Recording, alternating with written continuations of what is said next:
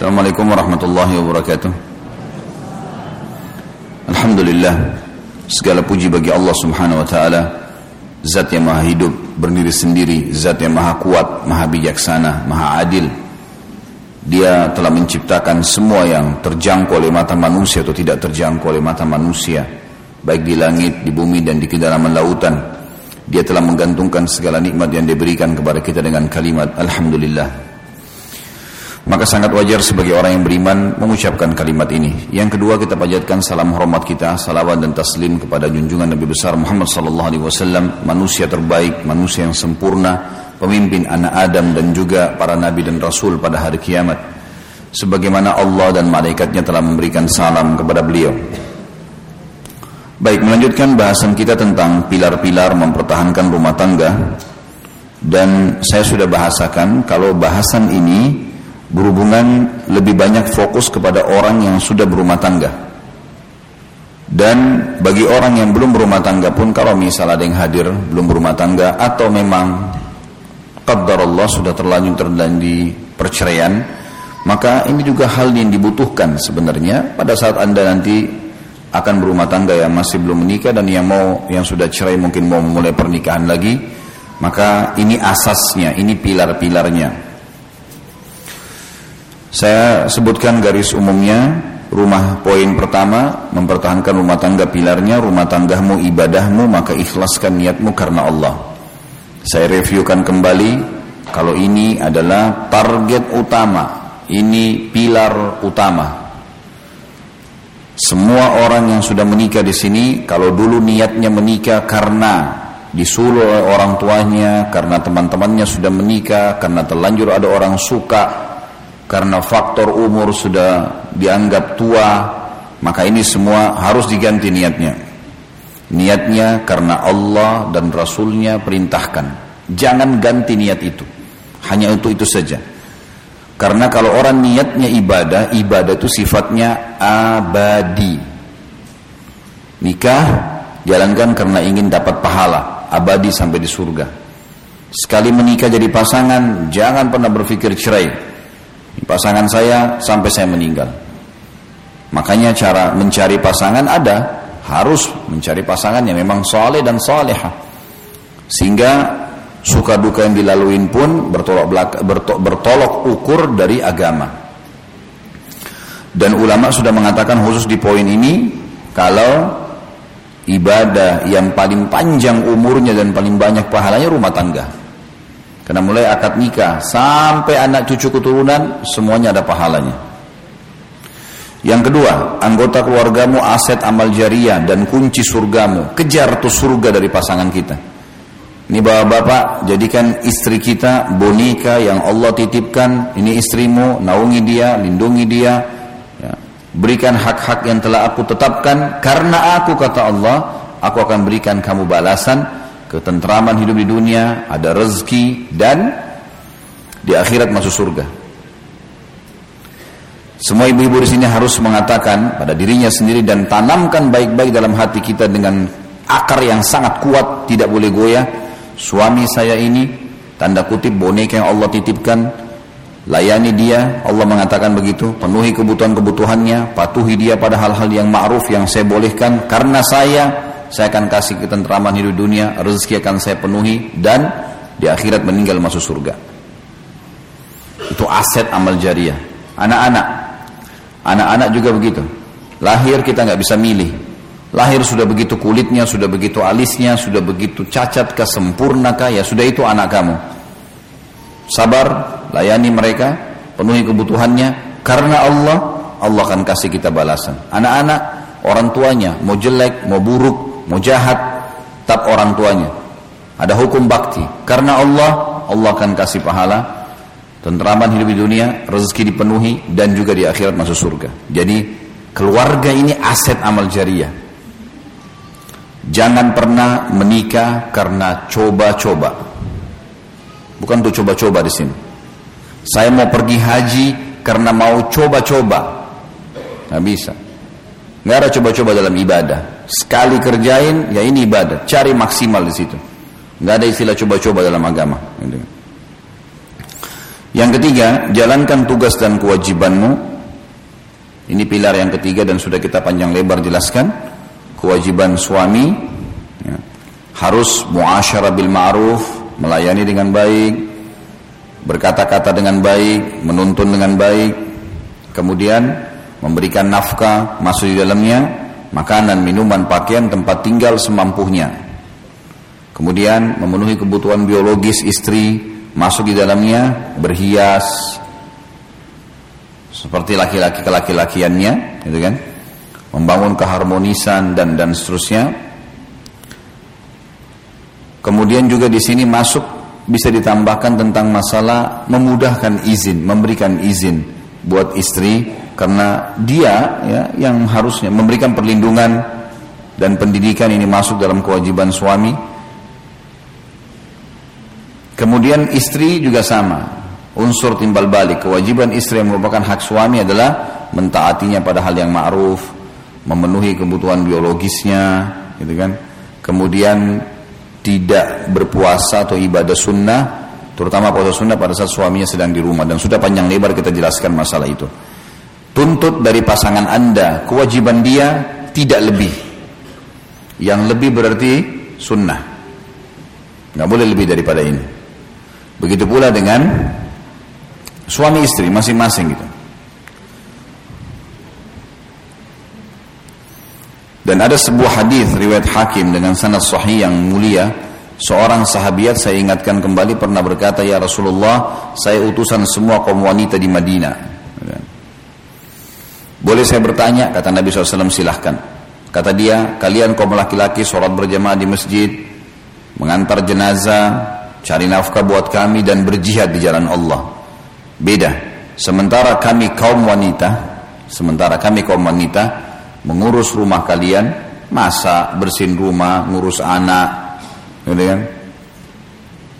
Membersihkan atau mencuci baju kalian dan menjadi tempat syahwat kalian. Pertanyaan saya Rasulullah, pahala kami sama pahala kalian sama enggak? Maka Nabi SAW balik ke arah sahabat laki-laki sambil berkata, ada nggak pertanyaan dalam Islam yang lebih penting daripada ini? Maka mereka diam laki-laki, lalu kata Nabi SAW, pulanglah kepada wanita tersebut dan sampaikan kepada semua wanita yang kau temui, kalau pahala kalian sama. Jadi jangan anggap remeh itu, merawat, ngurus rumah itu jangan anggap remeh. Juga beranjak daripada hadis Sahih riwayat Bukhari Muslim di mana Nabi SAW mengatakan, semua kalian pemimpin dan semua akan diminta pertanggungjawabannya pada hari kiamat. Seorang raja, pemimpin masyarakat bertanggung jawab terhadap warga masyarakatnya dan akan diminta pertanggungjawaban hari kiamat. Seorang suami bertanggung jawab terhadap istri dan anaknya dan akan diminta pertanggungjawaban hari kiamat. Seorang istri bertanggung jawab terhadap rumah dan harta ya. Rumah, harta dan anak suaminya dan akan diminta pertanggungjawaban hari kiamat dan seorang budak ya bertanggung jawab terhadap harta tuannya dan akan diminta pertanggungjawaban hari kiamat. Ketahuilah kalian semua pemimpin dan akan diminta pertanggungjawaban pada hari kiamat. Kata sebagian ulama hadis yang dimaksud dengan laki-laki bertanggung jawab terhadap istri dan anaknya adalah dia harus menaungi mereka melindungi mereka memenuhi kebutuhannya semampu dia. Yang dimaksud dengan perempuan bertanggung jawab terhadap harta rumah dan anak suaminya adalah dia merawat rumah itu membersihkan mengurus dan seterusnya. Gitu kan Sedangkan statement yang dikatakan Umar bin Khattab pernah waktu didatangi oleh seseorang laki-laki mau mengeluh kenapa istrinya ngangkat suara, gitu kan? Lalu Umar bin Khattab didatangi rumahnya, ternyata istri Umar lagi mengangkat suara di depan Umar. Dan Umar diam, membiarkan saja. Lalu kemudian orang ini pulang. Dia bilang kalau Umar pun istrinya mengangkat suaranya bagaimana dengan saya? Lalu kemudian Umar mengejarnya, tahu ada orang datang, ditanya, kenapa kau pulang? Dia bilang tadi Amir Mu'minin, saya datang untuk, waktu itu Umar jadi khalifah. Saya saya datang untuk mengeluh istri saya yang mengangkat suaranya depan suaminya. Saya takut itu durhaka. Tapi saya temukan istri anda begitu, gitu kan? Istri anda begitu. Kata Umar, dia telah melahirkan anak-anak saya, membersihkan baju-baju saya, merawat rumah, gitu kan? Dan sebenarnya saya tidak bebankan pada dia itu. Tidak ada saya wajibkan kepada dia untuk itu, tapi dia melakukannya gitu kan. Maka saya sabarlah sedikit. Gitu. Banyak orang salah paham dengan statement Umar ini. Dianggap perempuan tidak wajib mengurus rumahnya. Ini keliru ini. Kekeliruannya kenapa? Karena nanti akhirnya perempuan anggap kalau gitu nggak usah urus rumah. Padahal tadi ada hadis riwayat Hakim yang yang mengatakan perempuan itu merincikan tadi ya, sahabiat itu kan, begini, begini, begini, begini, begini. Gitu. Ya mestinya harus difahamin, harus bijaksana dalam memahami dalil-dalil seperti ini. Ya, Allah alam. Ini yang saya tahu ya. Kalau emang ada teman-teman punya dalil yang lain Allah alam. Tapi yang saya tahu ini harus difahamin. Tanggung jawab masuk di dalamnya semua. Tapi kalau misal kita bilang, apakah perempuan wajib masak? Jawabannya tidak ada kewajiban masak. Tetapi wajib menyiapkan makanan. Suaminya bawakan makanan mentah, ya dia masak. Suaminya bawakan makanan jadi, ya dihidangkan. Kan begitu. Jadi yang penting apa yang dibawa yang berhubungan dengan masalah rumah, perawatannya, pengurusannya, gitu kan, diamanahkan e, semuanya itu adalah tanggung jawabnya dia. Ya, sampai ada hal-hal yang kecil pun termasuk tanggung jawab. Jangan sampai ibu-ibu misalnya dibelikan sesuatu oleh suaminya untuk perabot rumah misalnya, lalu kemudian ditanya mana yang saya beli kemarin, oh nggak tahu, saya juga nggak tahu di mana. Nggak bisa nih, tanggung jawab di mana, amanah itu, harus tahu di mana. Baik. Kemudian yang keempat, kenali karakter pasanganmu sudah saya katakan itu hari panjang lebar. Kalau laki-laki selalu pakai akal fikiran, maka ibu-ibu harus faham itu. Dia selalu berpikir ringkas, masalah, solusi, masalah, solusi, selesai. Kalau perempuan pakai perasaan, gitu kan? Maka bukan masalah solusi, tapi masalah kenapa terjadi, gitu kan? Dan kemudian terus dipendam itu sehingga akhirnya jadi pak bisa jadi lahir masalah yang baru lagi. Makanya harus berimbang. Bagaimana kita berimbang, gitu kan? Bapak-bapak harus paham kalau istrinya pakai perasaan, maka dia harus bisa mengimbangi perasaan itu, tidak juga terlalu tegas, tapi dia bisa toleransi seperti misal sudah menjadi biasa kalau istri Anda, bapak-bapak sekalian, janjian, kemudian Anda telat, walaupun Anda sudah minta maaf, dia masih cemberut. Itu sudah biasa. Walaupun tidak uzurnya susah, Tadi ban mobil pecah, tadi begini, tadi hujan lebat, tetap cemberut. Biasa itu. Senyum aja. Biasa. Kenapa dia pakai perasaan? Mungkin tunggu beberapa waktu, gitu kan? Mungkin tunggu beberapa, atau mungkin anda gunakan retorika yang bisa menghibur dia, gitu kan? Ya udahlah, insya Allah ke depannya saya tidak telat. Walaupun badai saya usahakan jalan. Nah itu kan ketawa perempuan, saya sudah tahu. Nanti begitu tuh. Nah itu baru bisa senyum kalau enggak cemberut. Jadi bapak-bapak jangan begitu cemberut. Kamu ini enggak mau mengerti saya. Memang tadi begini, marah-marah ribut dua hari enggak tidur sama-sama. Salah ini. Enggak boleh begitu. Karena ini perasaan. Ibu-ibu juga harus imbangin. Laki-laki itu suka simple. Kenapa terlambat? Tadi karena macet. Udah itu memang yang dibutuhin. Kalau ibu bilang, tadi kan bisa cari jalan lain, alternatif mungkin lebih cepat keluar. Enggak bisa, emang sudah enggak bisa. Jangan dikorek-korek lagi. Imbangin keduanya, gitu kan. Jadi yang ini tidak terlalu berlebihan, itu juga tidak terlalu berlebihan, di tengah-tengah lah, gitu, saling mengerti. Ini perlu, ya ini harus tahu masalah ini. Saya sudah kasih contoh itu hari bahwa bapak sangat mudah sekali laki-laki kalau ada masalah solusi. Janjian sama istrinya mau pacaran setelah nikah tentunya. Pergi berdua makan di restoran tutup restorannya. Sangat mudah bagi bapak-bapak bilang apa? Udah tutup. Udah tutup pak? Oh ya udah, cari restoran lain yuk. Kalau ibu-ibu enggak, sebentar sebentar saya turun dulu, tanya Siapa tahu masih ada. Kenapa dia tutup cepat? Biasanya jam 10. Ini panjang ceritanya. Imbangin di antara keduanya. Harusnya bisa. Si laki-laki mengatakan, sudahlah, saya akan cari restoran yang lebih baik, aman, tenang aja. Misal, berikan keyakinan istrinya akan aman. Daripada kamu mempermalukan diri turun, nanti akhirnya orang bilang sudah tutup, gak usah lah. Makanan masih bisa cari tempat lain. Misal, diimbangin dengan keterangan-keterangan, ibu-ibu juga bisa redam. Oh iya, iya, benar. Coba pakai Perasaan diimbangi dengan akal pikiran, oh iya mungkin suami saya benar, udah ngalah, udah selesai. Jadi simple, selesai. Harusnya begitu. Itu akan sangat mempermudah menyelesaikan masalah itu. Karena kita faham karakter pasangan kita. Tentu ini sudah saya berikan banyak contoh juga. Yang kelima, hati-hatilah dari musuh yang selalu mengintaimu. Jangan mudah minta cerai bagi perempuan dan jangan mudah menceraikan bagi laki-laki. Ini hati-hati nih dan ini hadis yang saya pernah sebutkan di mana Nabi SAW mengatakan iblis punya singgasana di lautan dan setiap hari anak cucunya melaporkan saya baru buat orang mabuk, saya baru buat orang ini, orang itu macam-macam. Terakhir ada yang mengatakan saya baru menceraikan suami istri maka sama iblis dianggap prestasi tertinggi. Didudukan di sebelah singgasananya berhenti bertugas, gitu kan. Berarti bagi iblis rumah tangga kalau kacau nomor satu. Karena kalau suami istri ribut Bapak Ibu sekalian. Mungkin yang pernah mengalaminya. Kita ibadah nggak khusyuk. Ya kan? Kata-kata sudah mulai dari mulut dari kasar. Ya, kita jadi lesu, ide-ide jadi hilang. Semuanya jadi habis nih. Padahal sebenarnya kadang-kadang masalahnya sepele. Masalahnya sepele. Bijaklah dalam melihat permasalahan.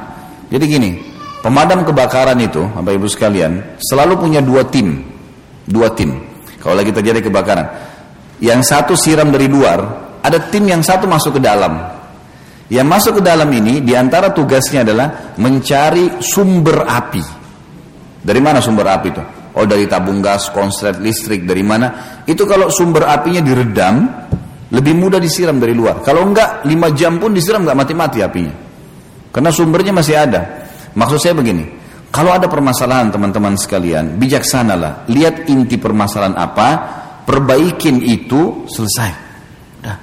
Jangan dipanjang lebarin. Bapak-bapak misalnya, dia biasa atau dia sudah pesan sama istrinya pengen makan rawon nanti malam ya. Baik. Istrinya bilang baiklah kalau gitu. Jangan lupa ya, iya jangan lupa. Subhanallah si istri ditelepon oleh ibunya, mungkin sempat ada kegiatan atau mungkin dia mau beli bahan-bahan habis rawon. Telepon suaminya kerja nggak bisa, dihubungin. Baik, nggak sempat masak. Bapak-bapak pulang ke rumah dilihat ternyata sayur asem di atas meja. Hah? Kalau orang bijaksana duduk mana makanannya nasinya ada sini. Sambil makan tanya, ini rawonnya berubah ya jadi sayur asem. Mungkin ditanya, Oh enggak, karena tadi begini, begini, begini. Oh begitu. Mudah-mudahan besok bisa ya. Udah, selesai kan, udah. Habis masalahnya pada saat itu. Saya kan udah pesan rawon, setengah mati saya kerja kok nggak dibuatin itu. Nah, ini kan panjang ceritanya. Perempuan pakai perasaan nih, seperti lagi disiram air panas, gitu kan. Saya juga sudah capek masak, saya juga begini dan dan seterusnya, maka jadi panjang lebar. Ayah dua hari lagi nggak berhubungan, nggak ngomong seminggu. Ada masya Allah subur sebulan nggak ngomong. Ini penyakit yang luar biasa. Nih. Sebulan nggak berhubungan, ini bahaya sekali. Syaitan itu, gitu kan? Nggak boleh, bahaya sekali, harus hati-hati. Ibu-ibu lagi suaminya nggak sempat antar ke tujuan. Kenapa? Ibunya lagi sakit. Sudahlah, ngalah saja, gitu kan? Masalah urusan dunia ini toleransi lah, toleransi saja, dan jangan berlebihan, gitu kan? Toleransi kalau masih toleransi sudahlah ya udah besok. Tapi betul-betul memang kita bukan karena ego ya. Misal ibu tidak sempat uh, diajak oleh suaminya keluar, memang karena suaminya capek sekali. Bagaimana kira-kira cinta yang akan muncul pada saat si istri mengatakan, udah nggak apa-apa bang, nggak apa-apa kakak, nggak apa-apa siapa dipanggil gitu ya. Lagi capek kelihatannya, istirahat aja. Besok ya, insya Allah. Atau kapan ada waktu. Saya yakin walaupun dia capek, bapak-bapak sini saya yakin. Kalau istri saya mengatakan begitu, biar saya capek, saya berdiri. Udah ayo sekarang kita jalan. Kena dengan kasih sayang, dengan cinta, selesai. Padahal capek sebenarnya, gitu kan? Baik dengan kata-kata beda kan? Tuh kan, kalau untuk kerjaan bisa ada waktunya. Buat saya nggak bisa. Orang udah capek, udah penat, ditambah kata-kata lagi seperti palu-palu dipukul ke kepalanya gitu. Ya jadi rumit. Jadi lembutkan, selesaikan toleransi tentang urusan dunia, mudahin selesai. Gitu kan? Masa ada hari esok gitu. Saya kadang-kadang kalau mendidik istri saya dia sering Kak kita mau ke sini, kita mau keluar ke sini. Ya insya Allah. Allah mudahin insya Allah. Baik. Pada saat tidak bisa misalnya, Waduh, kenapa nggak bisa ya sayang? Dia sebenarnya tidak tidak menyinggung, tapi dia cuma bilang sayang ya tadi mestinya kita makan berdua di sini. Baik, kamu nikah sama saya untuk hari ini sama besok saja atau sampai abadi nih? Saya mau tanya dulu, gitu kan? Kalau hanya untuk kita dua hari saja, seperti orang kontrak, naudzubillah dua hari, kamu bisa merasa menyesal karena tidak sempat makan. Ini abadi nih sampai di surga. Ada besok, ada lusa, banyak waktu banyak. Toleransi lah. Oh iya ya. Udah besok saya ajak. Kalau restoran itu tutup, saya cari di restoran yang lain. Gak apa-apa. Kita pergi tempat biar jauh. Bogor nggak apa-apa. Gak masalah. Yang penting memang pada saat kita lagi bisa, kan gitu. Akhirnya termudahkan, tercairkan. Jadi tidak selamanya harus jadi masalah. Ada orang subhanallah 40 tahun rambutnya sudah uban semua. Gimana tidak? Emosi terus, ego terus, berantem terus, apa ini? Di rumah tiap hari sudah tetangga langganan tuh bagi pagi sudah pasti.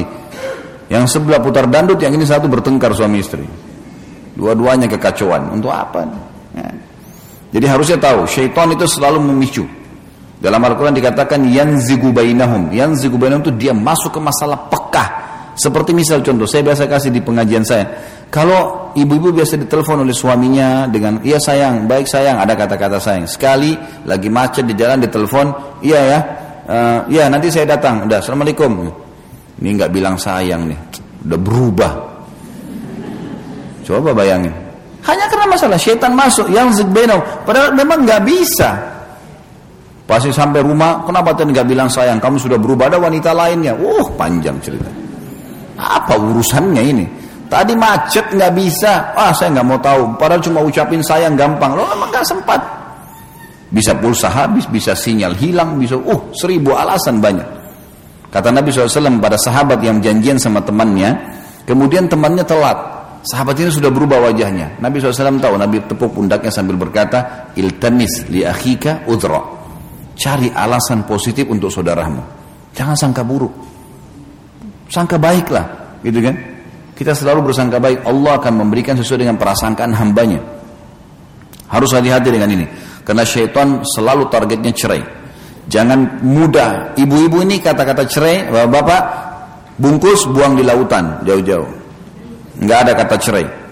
Jangan pernah bilang dari mulut kita ini ceraikan saya atau saya ceraikan kamu. Ini bahaya. Masalah halal atau tidak kemaluan anda.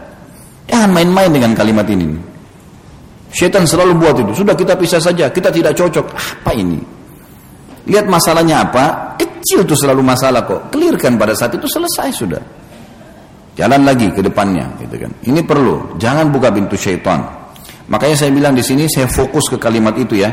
Hati-hati dari musuh yang selalu mengintaimu titik-titik jangan mudah minta cerai bagi istri dan jangan mudah menceraikan bagi suami. Yang keenam, lapang dada. Memaafkan dan minta maaf. Yang benar memaafkan, yang salah minta maaf. Enak itu minta maaf, enak dan bukan tidak bukan bukan terhina. Syaitan selalu membuat kita seperti terhina kalau kita minta maaf, tidak. Biasakan dalam rumah tangga itu maafin saya ya kalau saya ada salah Oh ya tadi telat, maaf ya saya telat. Walaupun suami kita sudah atau istri kita sudah ridho, nggak apa-apa. Maaf ya saya tadi telat. Nggak apa-apa kita sampaikan apa adanya. Perkataan maaf itu bagus, ibadah. Kata Allah SWT, wal afina anin nas, wallahu yuhibbul muhsinin. Orang yang suka memaafkan orang lain dan minta maaf dan Allah suka dengan orang yang berbuat kebaikan. Ini maafinlah, lapang dada. Dan di sini saya titipkan pesan jangan nginapkan permasalahan. Tidak boleh nginap. Kelirkan hari itu. Selesai. Yang salah minta maaf. Kembalikan tolok ukurnya agama. Agama kita jadi bukan bendera. Kalau bukan agama nggak bisa, nggak bakal bisa ada titik temu. Mustahil. Agama tolok ukurnya. Allah dan Rasulnya bolehkan, perintahkan, amalkan. Ini salah di mata mereka, salah di mata kita juga. Benar di mata mereka, benar di mata kita. Maka akan ada titik temu. Kemudian yang ketujuh jangan libatkan orang ketiga kecuali ahlinya. Hanya alim ulama, nggak boleh orang lain. Ini ada orang subhanallah punya masalah, satu kampung tahu kalau dia punya masalah. Semua orang tahu dia punya masalah. Teman-teman kantornya, tetangga-tetangganya, kerabatnya semua tahu. Apa ini? Malu nggak kira-kira Bapak Ibu sekalian kita ini sudah ceritain ke mana-mana suami kita atau istri kita. Sebulan kemudian baikan jalan sama-sama. Malu nggak dilihat semua orang? Malu lah. Untuk apa kita sebarin kepada semua orang? Konsultasi hanya kepada pewaris para nabi, yaitu para ulama. Telepon tanya, Ustadz, Ustazah, maaf saya mau tanya, ada kejadian begini. Poinnya saja, satu, dua, tiga, jangan tunggangi untuk ceritakan aibnya pasangan. Gimana menurut pandangan agama? Oh begini bu, satu, dua, tiga, empat, lima, ini dalilnya. Ambil, terapkan. Selesai. Udah clear. Ini Pak, begini Pak, satu, dua, tiga, empat, lima, clear. Ini dalilnya, sudah selesai. Saya kemarin ditelepon oleh satu orang bapak dari Makassar, Ustaz, saya mau sampaikan sesuatu bisa nggak? Bisa. Ada waktu? Baik. Tapi jangan lama, sebab saya lagi ada kegiatan lain. Saya pisah ranjang Ustaz, pisah rumah sama istri saya. Kenapa akhi? Apa sebabnya? Iya karena anak-anak e, diajak ke rumah orang tuanya tanpa izin sama saya. Hanya itu, hanya itu. Kenapa keluar dari rumah? Kan tinggal tanya, enggak, saya merasa sebagai laki-laki ini kayak dilampaui, kenapa enggak bilang sama saya? Baik, saya bilang, Satu sisi istri anda salah. Anda salah, istrinya salah. Memang harus pamit sama suami, nggak boleh. Kan gitu. Bilang maaf saya mau bawa anak-anak ke rumah orang tua saya. Bisa mak pamit. Bisa nggak sama-sama ke sana? Oh jangan hari ini besok. Ya sudah. Telepon orang tua maaf ya suami saya belum izinkan bu. Tolong mengerti besok insya Allah. Selesai. Clear. Mudah kok gitu kan. Ini enggak. Si perempuan ego kena merasa bahwasanya ini orang tuanya harus. Dia cuma bilang ya ini orang tua saya sudah minta. Kenapa sih? Kenapa dirumitin? Kenapa gini? Ribut sama suami. Suami juga merasa ego. Loh kan saya suami, saya harus tentukan di rumah. Ribut gara-gara itu pisah rumah. Saya bilang, akhi tidak boleh, pulang ke rumah. Dan kalaupun antum mau menghajar, mau memboikot istri, itu harus di rumah. Karena kata Nabi SAW, jangan laknat, jangan jelek-jelekkan istri itu dengan kata-kata kasar lah, mungkin binatang atau apa. Jangan pukul wajah dan jangan memboikotnya, jangan menghajarnya kecuali di rumah. Pindah ranjang, pindah kamar boleh. Tapi pindah ke rumah orang, ke orang tua nggak boleh. Nggak boleh hajar kecuali di rumah, gitu kan. Jadi ini harus diketahui. Ya. Alim ulama akan memandu anda kepada hukum agama yang benar. Yang kedelapan Islam asas agama, Islam asas rumah tanggamu, maka terapkan syariatnya. Bentuk suasana dan kondisi islami terutama majelis ilmu. Ciptakan suasana dan kondisi islami. Di rumah tidak ada patung. Saya sudah bilang itu hari beli buku. Judulnya apa? Rumah-rumah tidak dimasuki oleh malaikat. Itu beli buku itu supaya tahu. Jadi jangan ikuti feng shui feng shui. Patung-patung ditaruh depan rumah lah apa gambar-gambar segala lonceng kayak gereja macam-macam. Ini nggak boleh. Harus diubah semua gitu kan Jadikan rumah kita rumah islami, suasana islami, busanahnya, pakaiannya, selalu memberikan salam. Berapa banyak orang Islam saya lihat telepon suami istri nggak pernah assalamualaikum. Telepon anaknya nggak pernah assalamualaikum. Di mana? Ke mana? Ini to the point. Kadang-kadang kalau ada kerabat saya, akhi, salam dulu. Assalamualaikum warahmatullahi wabarakatuh. Itu kata Nabi SAW ya dalam hadis yang mulia sekali. Kata Nabi SAW, Kalian tidak akan masuk surga sampai kalian beriman. Itu syaratnya. Beriman. Dan kalian tidak beriman kecuali kalian sudah saling mencintai. Satu sama yang lain. Muslim sama muslim yang lain. Dan maukah kalian saya tunjukkan satu perbuatan kata Nabi SAW yang kalau kalian kerjakan kalian pasti akan saling mencintai. Apa kata Nabi SAW? Abshus salam bainakum. Sebarin salam di antara kalian. Salam itu mendatangkan cinta. Assalam kan keselamatan doa. Assalamualaikum keselamatan buat kalian. Warahmatullah semoga rahmat Allah selalu bersamamu. Wabarakatuh dan berkah dalam hidupmu. Itu bagus tuh. Jangan ditinggalkan. Tambah lagi Assalamualaikum 10 pahalanya. Warahmatullah 10 wabarakatuh 10. Dalam sebuah hadis dikatakan lewat seorang Nabi SAW lagi pengajian lewat seorang sahabat lalu dia bilang Assalamualaikum Orang itu duduk, Nabi SAW jawab, Nabi bilang, orang ini dapat 10 pahala. Datang orang kedua telat, lalu mengatakan, Assalamualaikum warahmatullah. Ditambah warahmatullah. Nabi SAW jawab, Nabi mengatakan orang ini dapat 20 pahala. Datang orang ketiga, jawab salam lengkap. Assalamualaikum warahmatullahi wabarakatuh. Nabi SAW jawab, Nabi mengatakan orang ini dapat 30 pahala. Jangan malu. Assalamualaikum warahmatullahi wabarakatuh. Itu. Nah, lagi di mana? Setelah, anak juga kalau dibiasakan nanti akan Assalamualaikum warahmatullahi wabarakatuh. Ibu kapan jemput saya? Ayah kapan jemput saya? Gitu kan? Jadi salam itu sangat bagus dimulai. Itu kondisi dan situasi ya suasana Islami. Tentu ada banyak panjang lebar dan usahakan ada majelis ilmu di rumah. Majelis ilmu maksudnya tidak harus ada pengajian khusus tapi e, mungkin kita sering dengarkan lah setiap hari selalu harus ada majelis ilmu, ilmu yang didengarkan. Saya temukan beberapa teman-teman yang hadir di pengajian saya setelah dengar nasihat ini, alhamdulillah mereka terapkan setiap hari harus dengar ceramah. Bahkan suami istri ada sampai di luar negeri sana orang kita, alhamdulillah di Indonesia pun sudah banyak mereka sampai hafal tuh ceramah saya. Ustaz sampaikan di judul ini, di ceramah ini tentang ini Ustaz. Kami belum paham bisa di, bisa ditekankan lagi enggak? Ini enggak, ini enggak, ini enggak. Ustaz sampaikan begini sampai ada satu jemaah saya itu dia kerja di daerah Tangerang sana. Umroh dia kejar di mana jalur umroh saya ikut jalur umroh. Rupanya dia sudah dia sama istrinya sudah dengar ceramah saya dibawa kertas. Ya, dia minta khusus minta satu kamar sama saya waktu itu karena saya kebetulan tidak berangkat sama istri. Maka saya iakan. Waktu itu dia lemba, keluarkan lembaran kertas panjang, mungkin 6, 6 lembar atau 5 lembar atau 6 lembar. Semuanya pertanyaan. Ustaz, anak ini minta umroh sama Ustaz khusus karena ini selain umroh biar dipandu, ini biar bisa konsultasi khusus nih, ini banyak. Rekam, anak sama istri bertanya, satu, dua, tiga, empat, lima sambil direkam sama dia, gitu kan. Terus dia bilang, Ustaz, anak sama istri sudah tiap hari dengar ceramah Ustaz dan perlu Ustaz tahu ceritanya unik nih. Anak dulu ini suka dengar musik, oh hidupnya bebas. Istri anak yang pertama dengar ceramah nih. Sampai akhirnya dia setiap kali dengarin dengar ceramah saya sumpah. Karena sering ribut gara-gara ceramah dan dengar musik, akhirnya saya bilang sama dia begini saja, di mobil kita setengah satu jam perjalanan, setengah jam saya dengar musik, setengah jam kau dengar ceramah. Istri bilang oke, okay, baik, dengar. Dia bilang sampai akhirnya ceramah ini kena sering didengar setengah jam, saya merasa ini lebih besar manfaatnya. Sampai sekarang ditinggalin sama dia. E, musik itu alhamdulillah dan malah dia sekarang yang getol suruh istrinya pakai cadar, istrinya masih baru pakai jilbab besar, dia yang ribut terus. Tapi masya Allah dan luar biasanya karena sering dengar ceramah saya sampai dia hafal tuh kata-kata yang sering saya ucapkan. Dia bilang Ustaz, Ustaz tahu nggak? Saya sampai tahu kalimat apa yang sering Ustaz ucapkan dalam ceramah. Kalimat apa tuh? Kok unik benar nih sampai begitu ditahu. Dia bilang Ustaz sering ucapkan kalau sudah penekanan poinnya selalu mengatakan selesai.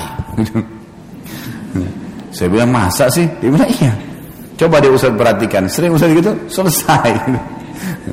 Ternyata saya ikutin ceramah saya benar, sering saya ucapin kan gitu. Kalau sudah penekanan poinnya udah sampai sini selesai, jangan dilanjutin lagi.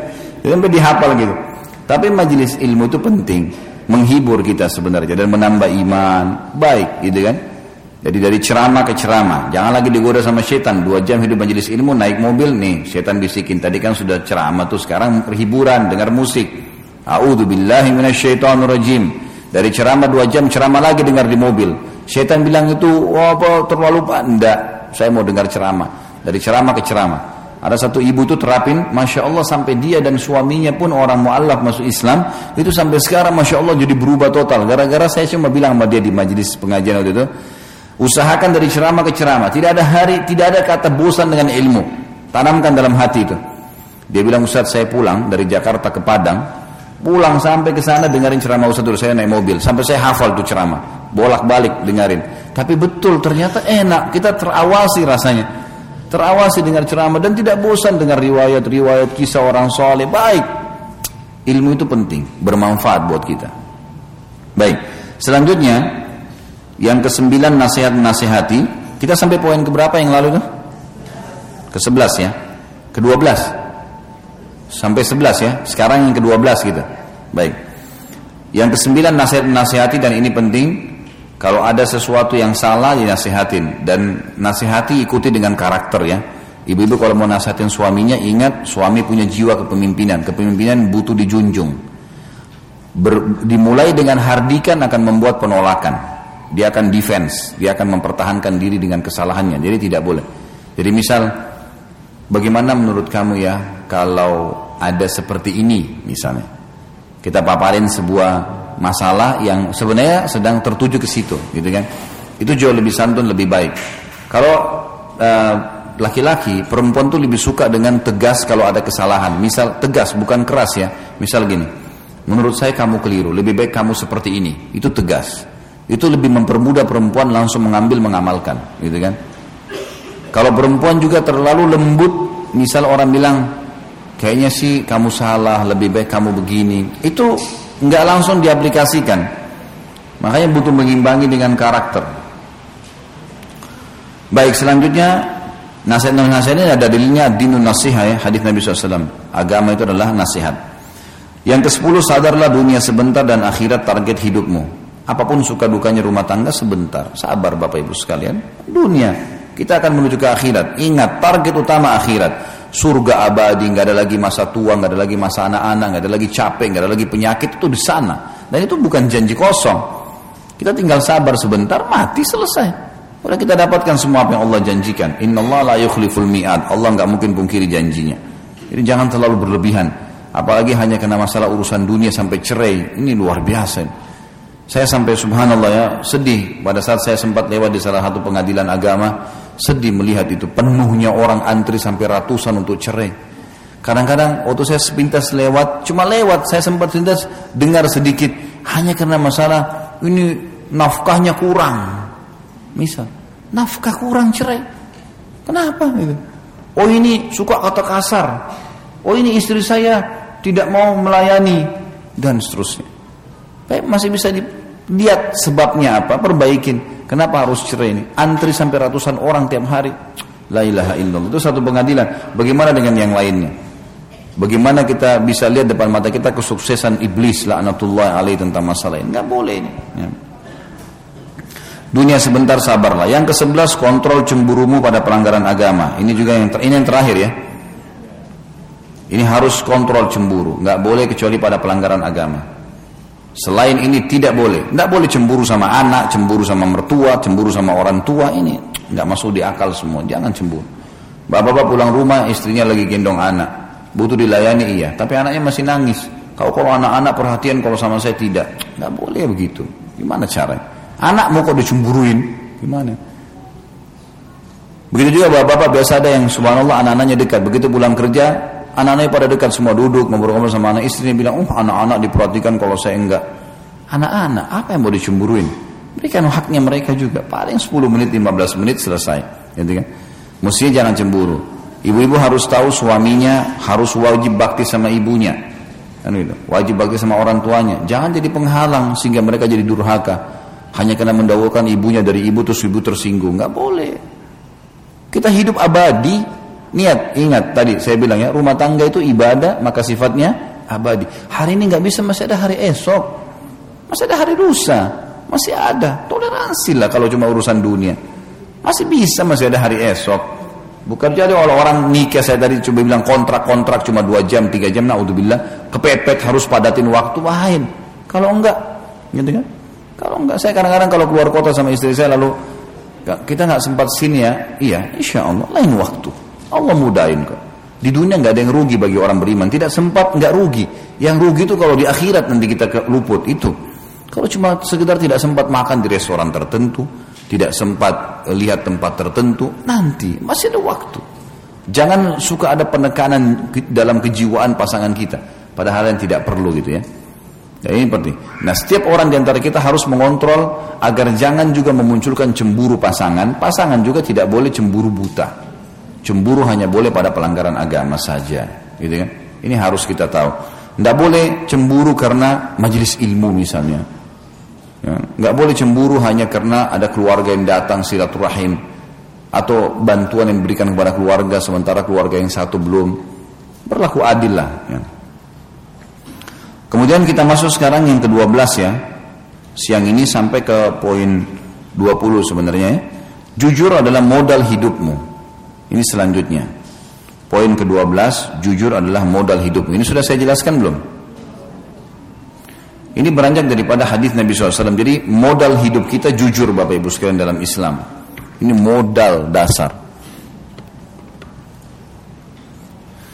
Abdurrahman ibn Auf radhiyallahu anhu waktu masuk ke Madinah baju tinggal selembar di badan nggak ada duit tapi dalam hitungan beberapa bulan saja Abdurrahman ibn Auf apalagi tahunan terkenal menjadi sahabat saudagar yang kaya raya.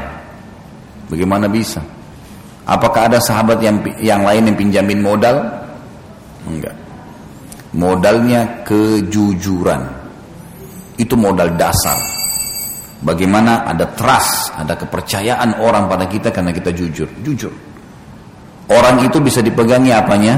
Lisannya. Kalau hewan dipegang, ekornya. Kalau manusia dipegang, lisannya. Walaupun fisiknya kurang, tapi lisannya kata-katanya santun, selalu jujur. Orang senang.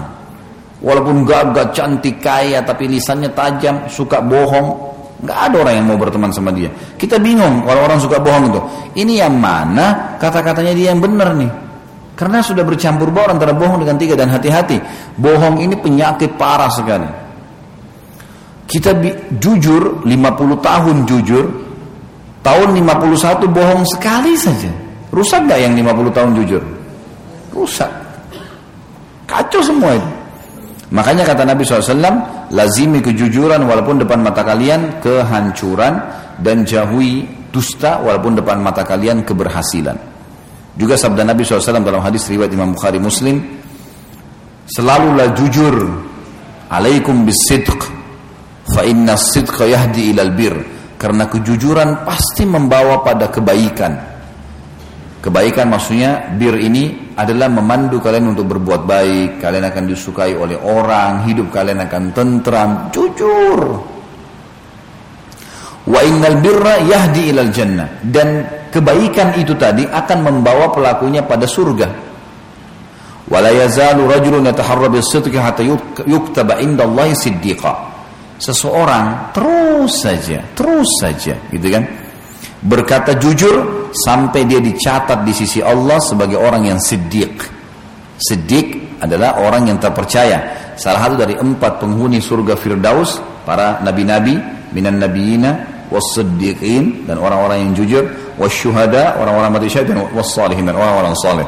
Jadi untuk sampai kepada tingkat siddiq selalu jujur dalam hidup. Seseorang terus jujur dalam hidupnya sampai Allah catat dia sebagai siddiq, penghuni surga tertinggi. Wa iyyakum wal kadhib dan hati-hati dengan dusta. Bohong. Fa innal kadhiba yahdi ilal fujur karena bohong itu bisa membawa kepada fujur. Fujur itu perbuatan buruk, nama kalian jadi buruk, di mata Allah kalian buruk, ada hukumannya. Wa innal fujura yahdi ilan nar. Dan ketahuilah perbuatan buruk itu nama yang rusak di masyarakat. Karena bohong tadi akan membawa kepada neraka. Wala yazalu rajulun yataharra bil kadhibi hatta yuktaba indallahi kadzdzaba. Naudzubillah. Ya seseorang terus saja dusta dusta dusta sampai dia dicatat di sisi Allah sebagai pendusta. Naudzubillah jangan sampai ya. Yang pernah dusta bertobatlah kepada Allah Subhanahu wa taala beristighfar dan semoga Allah maafkan kita semua. Dan hal-hal yang lalu telah berlalu gitu kan? Tapi ke depannya dan Islam melihat sekarang ke depan. Kalau kita melihat masa lalu orang akan sulit nih. Tidak boleh kita lihat masa lalunya seseorang. Nah masa lalu sudah berlalu. Umar bin Khattab dulu pemabuk keras kata Umar saya dulu pecandu minuman keras anhu sebelum Islam tapi setelah Islam berubah setelah Islam berubah gitu kan Makanya kata Nabi SAW, umat-umat sebelum kalian ada muhaddithun, ada orang yang mendapatkan ilham. Dia kalau ngomong sesuai dengan apa yang Allah inginkan. Wa in yaku fi ummati fa innahu Umar. Kalaupun ada di umatku maka dia adalah Umar. Kata para ulama, Umar setelah masuk Islam. Jadi setengah umurnya dipakai dalam kekufuran, setengah umurnya dipakai dalam keislaman. Tapi di sini Allah subhanahu wa ta'ala menilai kebaikan orang setelah berubah. Semua orang punya kesalahan. Harusnya dia berubah. Jadi kita mengubah. Jangan lagi ungkit-ungkit masa-masa lalu ini termasuk poin penting juga. Jangan sampai mengungkit-ungkit. Kamu dulu begini kok. Kamu dulu begini kok. Itu dulu. Susah kalau kita mau cari-cari kesalahan orang gitu kan. Orang semua bisa buat salah. Karena kata Nabi SAW, Kullu Adam khatta'un dalam hadis Bukhari wa khairul khatta'in at-tawwabun. Semua anak Adam pasti buat salah dan sebaik-baik orang yang buat salah adalah yang memperbaiki, yang bertaubat. Baik, itu jujur. Yang ke-13. Maaf, di dalam itu juga ada hadis Nabi SAW yang berbunyi, Kulil haq walau kana mur. Ucapkanlah kebenaran itu walaupun itu pahit. Ada juga sebuah kaidah sederhana di sini Bapak Ibu sekalian. Itu sebenarnya masuk dalam poin yang nanti ya. Ada poin sendiri dia. Di atas poin 20. Sampaikan alasan kenapa kita melakukan sesuatu, baik atau buruk. Itu penting, menyampaikan alasan atau argumen kenapa kita melakukan sesuatu yang baik dan kenapa kita tidak melakukannya dan kenapa kita melakukan sesuatu yang buruk dan kenapa tidak kita lakukan. Contoh, sesuatu yang baik kenapa saya lakukan? Bapak-bapak misalnya pas lagi mau ke masjid, ibu-ibu mau ke majelis taklim, kita lagi keluar rumah ada yang tanya, mau ke mana pak? Mau ke mana bu? Niatnya kan baik ini, mau ke masjid, mau ke majelis taklim. Jangan diam. Ah ini kalau saya jawab saya riak nih. Ini nggak usah saya jawab diam aja. Ini salah ini. Orang nanti bisa sangka buruk. Jawab, saya mau ke masjid sholat. Saya mau ke majelis taklim. Nanti riak Ustadz, kontrol. Jangan dikalah sama syaitan. Syaitan itu kan seperti orang yang sedang menawarkan produknya nih. Kalau kita di, lagi di mobil kita nggak turunin kaca, dia nggak bisa buat apa-apa. Biarin aja dia ngomong. Gak usah kita pedulikan, gitu kan? Udah. Auzubillah rajim selesai. Ya. Baik, itu alasan kalau ditanya kenapa kita lakukan perbuatan baik. Yang masuk dalam ria adalah tanpa ditanya ceritain. Nah itu. Gak ada angin, gak ada apa. Kamu puasa nggak? Nggak. Saya puasa Senin.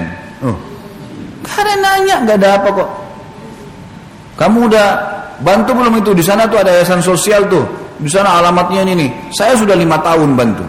Gak ada orang nanya. Untuk apa cerita? Itu baru ria. Tapi kalau ditanya, boleh kita jawab. Kontrol supaya tidak ria. Gitu. Itu alasan perbuatan baik kenapa kita lakukan. Harus dijelaskan. Kalau sudah dilempar pertanyaan ke kita, butuh apa? Jawaban. Harus. Baik. Kalau perbuatan baik tidak dilakukan, lalu ada yang tanya, juga jangan diam.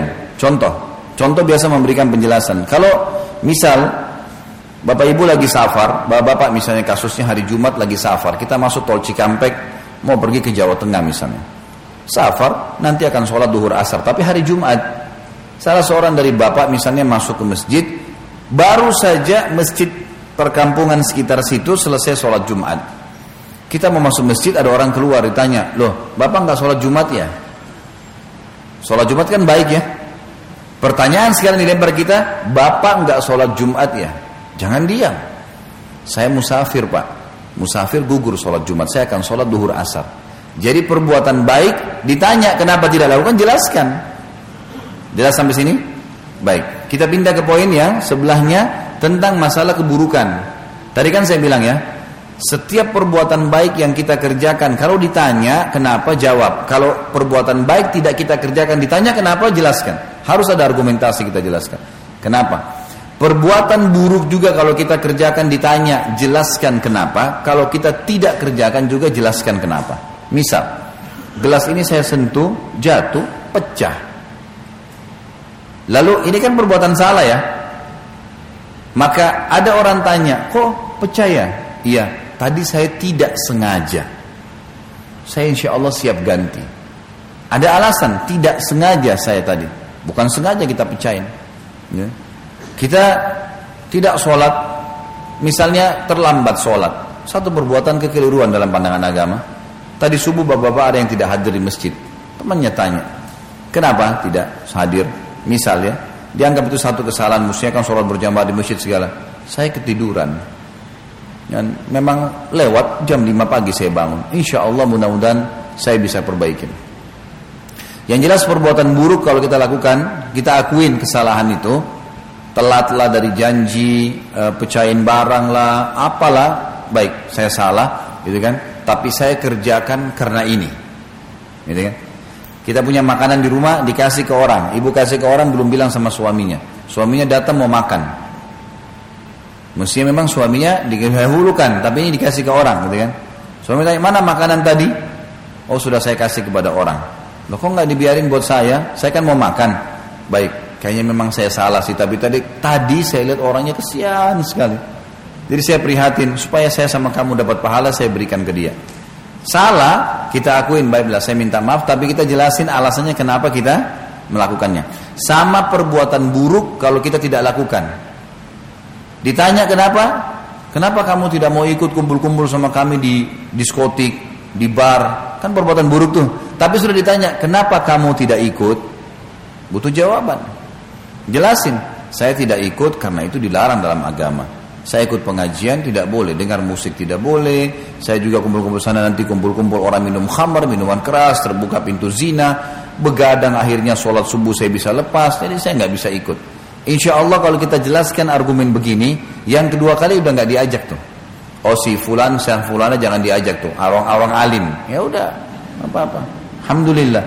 Tapi kan tidak jadi PR kan? Kalau ini enggak, temannya telepon, aduh nggak enak nih, nggak usah angkat deh. Kok nyusahin diri kenapa? Angkat. Assalamualaikum warahmatullahi wabarakatuh. Oh sekarang alim ya? Alhamdulillah. Ayo kita ke karaoke yuk. Waduh, saya kayaknya sudah nggak bisa ikut nih kalau sekarang. Kenapa? Nah, enggak, karena saya ikut pengajian kayaknya enggak boleh. Wah kamu sudah berubah? Enggak kok, saya masih tetap nama saya sama, alamat saya sama, enggak ada yang berubah. Cuman saya sudah tahu itu enggak boleh. Mudah-mudahan satu waktu juga kamu tahu kamu enggak ikut. Selesai. Tapi pastikan besok kalau dia mau karaoke lagi tidak diundang tuh. Tapi kalau kita nggak jawab hari ini, besok ditelepon nggak? Telepon lagi. Lusa ditelepon lagi. Sampai kapan kita mau sembunyi nih? Hah? Jangan sembunyi. Jelasin apa adanya. Jadi dalam kondisi kita benar atau salah tetap kita sampaikan. Gitu. Baik, poin ke-13. Ini jujur ya, masuk dalam poin jujur tadi itu. Jujur apa adanya, sampaikan. Salah pun maaf, saya salah. Tapi jelasin, saya lakukan karena ini. Saya salah. Penjelasan itu lebih meringankan secara kejiwaan kepada orang yang sedang kita salahin tadi. Yang ke-13 tolong menolong. Ini tentu tolong menolong dalilnya dalam hadis eh, dalam eh, surah Al-Maidah ayat 2 ya.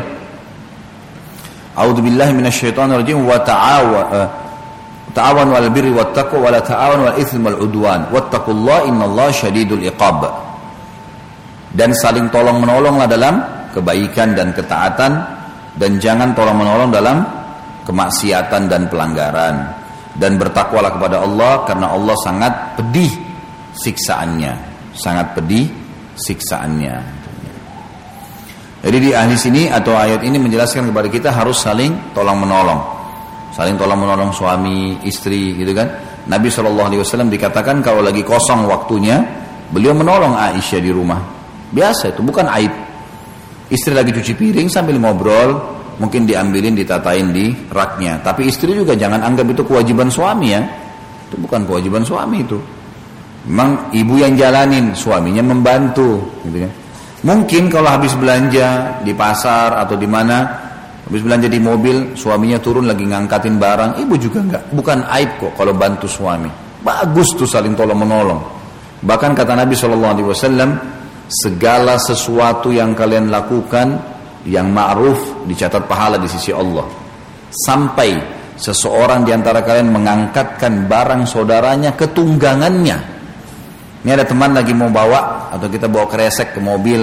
Kalau zaman dulu orang angkat ke untahnya di atas, itu adalah sedekah, pahala tuh. Tolong menolong. Baik itu. Bukan aib kalau istri lagi tidak ada yang bantu di rumah, tidak ada pembantu lagi cuci piring, banyak numpuk, suaminya di sebelahnya. Baik, ayo saya lagi kosong waktu nggak apa-apa. Karena pernah memang Nabi SAW waktu di, eh, Aisyah waktu ditanya oleh beberapa sahabat apa yang Rasulullah SAW kerjakan di rumahnya, apa kata Aisyah? Nabi SAW seperti laki-laki saudara kalian istirahat kalau dia perlu, dia bantu istrinya, gitu kan? Apalah dikerjain di rumah, rawat apa, ada yang bocor, ada yang ini dikerjain, seperti biasa. Bahkan Nabi SAW menjahit sendiri sendalnya yang putus. Maka sahabat-sahabat ini tadinya menganggap remeh itu, tapi itulah perilaku Nabi SAW. Ya. Jadi tolong menolong dalam kebaikan yang bisa mendukung kita dalam uh, ketaatan kepada Allah Subhanahu wa taala dan tidak boleh tolong menolong dalam keburukan. Nggak boleh. Termasuk Bapak Ibu jangan dukung teman-teman yang buat keburukan. Seperti contoh di telepon ada temannya, "Mbak, nanti kalau suami saya bilang bilang saya lagi sama kamu ya. Tolong bantu ya." Hmm. Oh iya deh, oke, okay, sip. Wah. Suaminya bilang, ada istri saya, ada sama saya mas, tenang aja, nggak ada. Gimana caranya nih? Nggak boleh. Ini sudah bohong ya. Kemudian sudah siapa tahu teman anda itu buat maksiat. Ada ada andil untuk apa? Nih? apa manfaatnya? Nggak boleh. Tolong menolong pada kebaikan. Nggak boleh pada keburukan. Wa ta'awanu 'alal birri wat taqwa. Saling tolong menolong dalam bir bir kebajikan dan takwa kepatuhan kepada Allah. Wala ta'awanu 'alal itsmi wal udwan. Dan jangan tolong menolong dalam dosa dan permusuhan.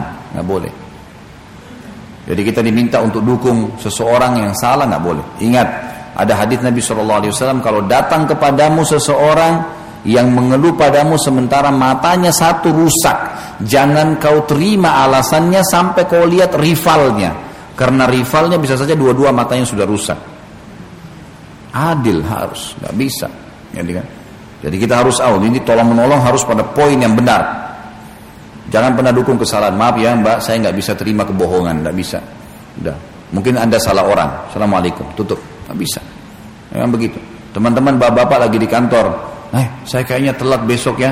Tolong didaftarin, dicek di apa sih? Diabsenin.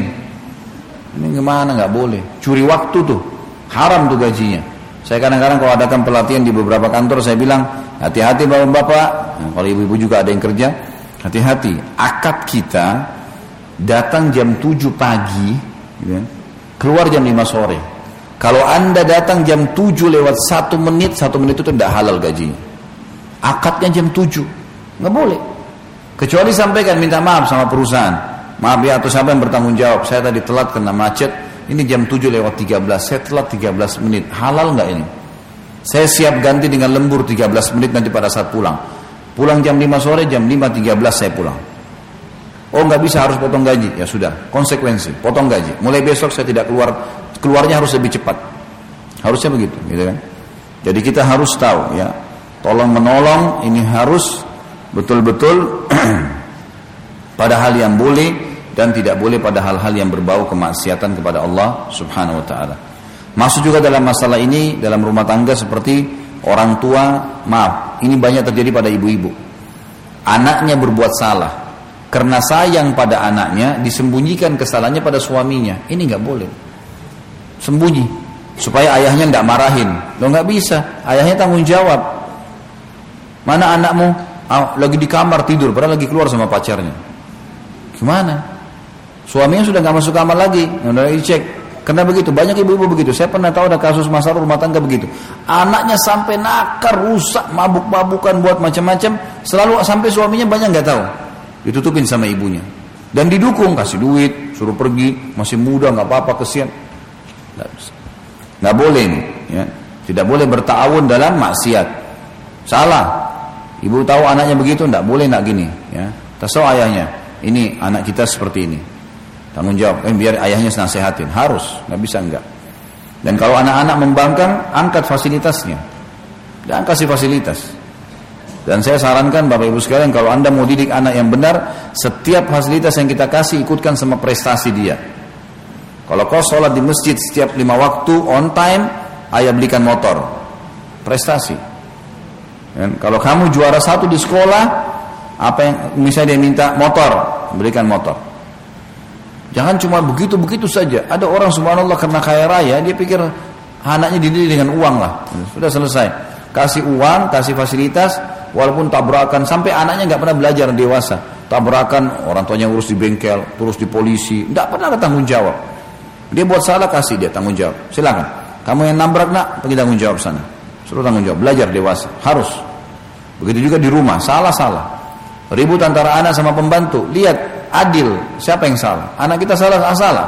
Kamu salah nggak? Nggak boleh. Mbak ini yang benar, karena begini begini. Mbak yang salah, mbak mbak salah karena gini gini. Adil, harus.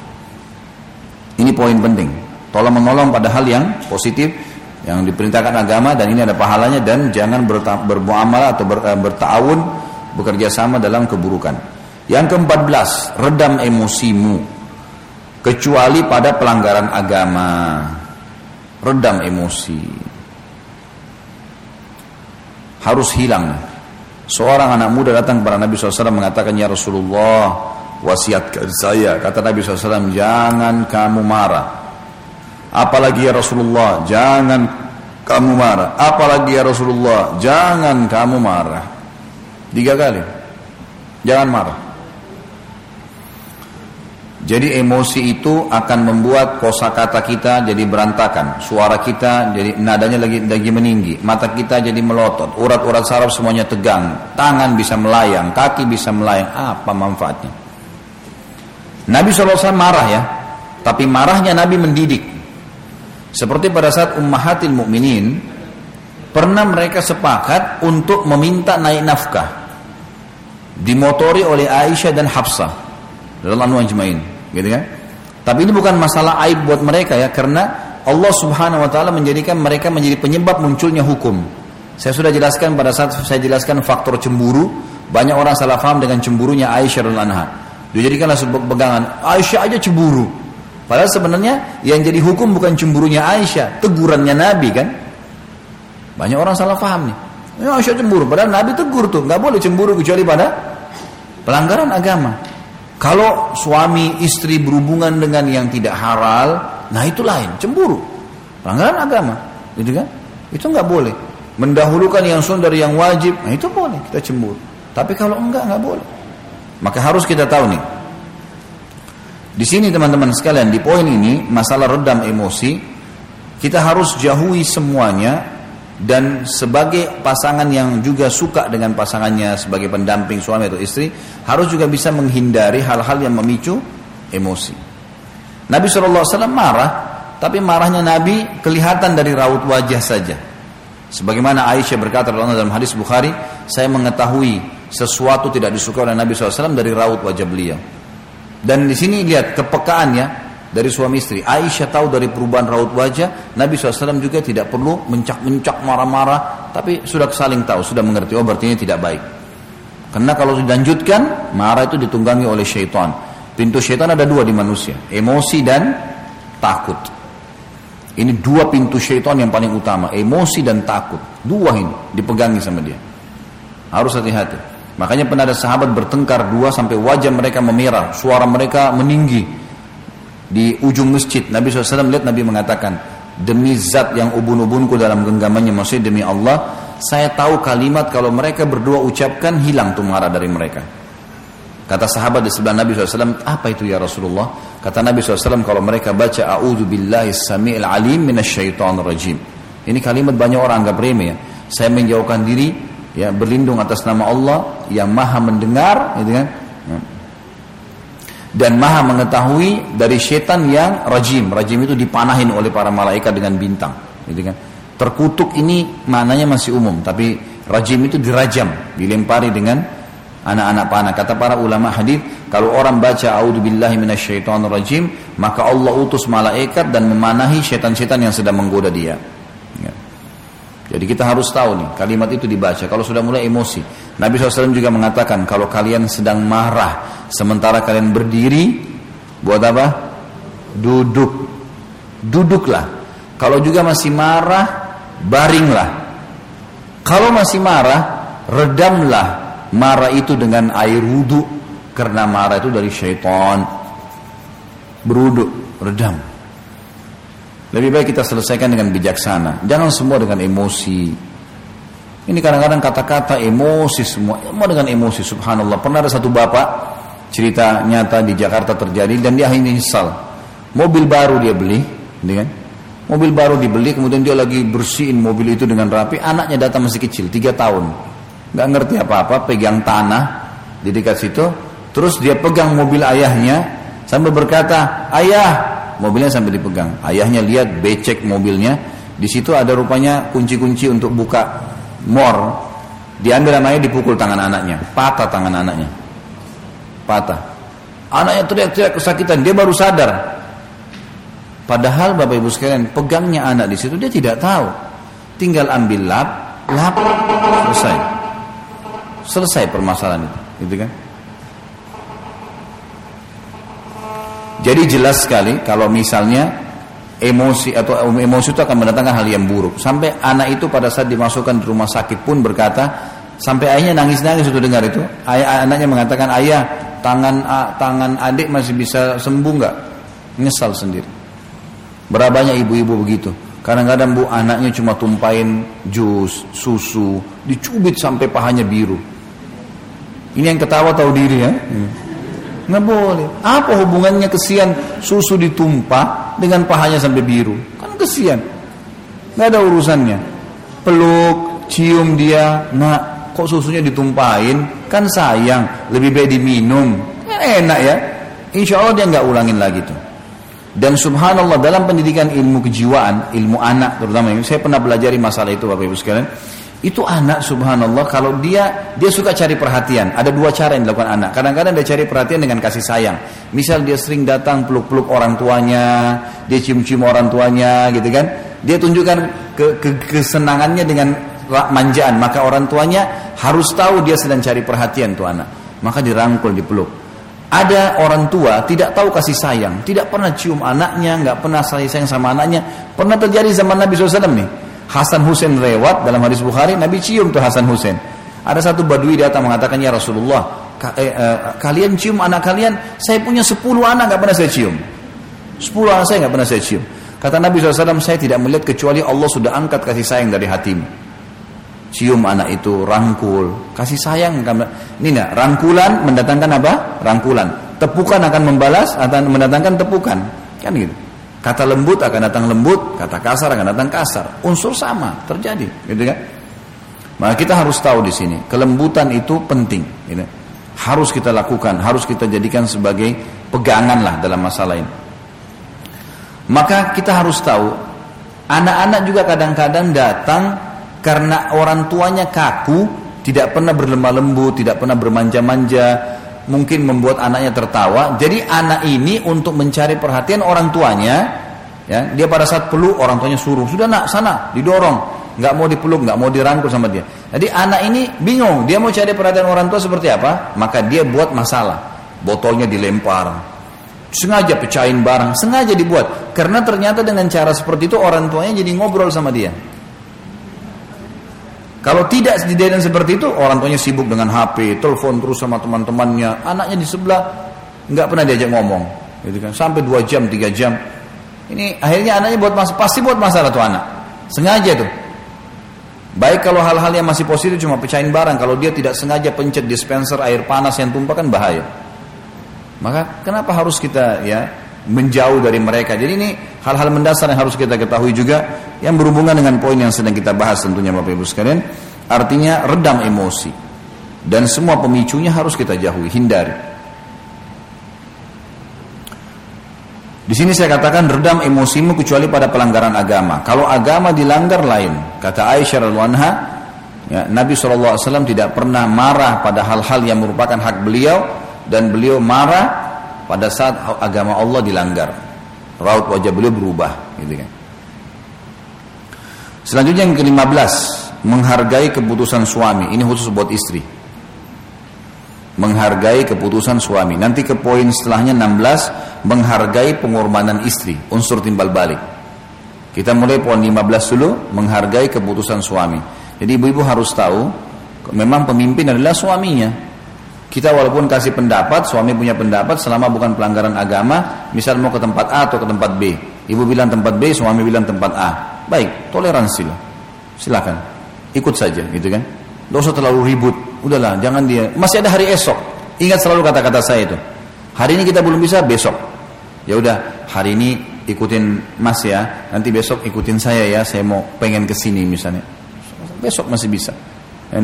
Dan subhanallah di dalam pepatah bahasa Arab dikatakan fa inna fi kulli ta'khirin hikmah. Di setiap keterlambatan sesuatu pasti diikuti dengan hikmah. Ada kejadian nyata, Bapak Ibu sekalian di Jerman beberapa waktu yang lalu.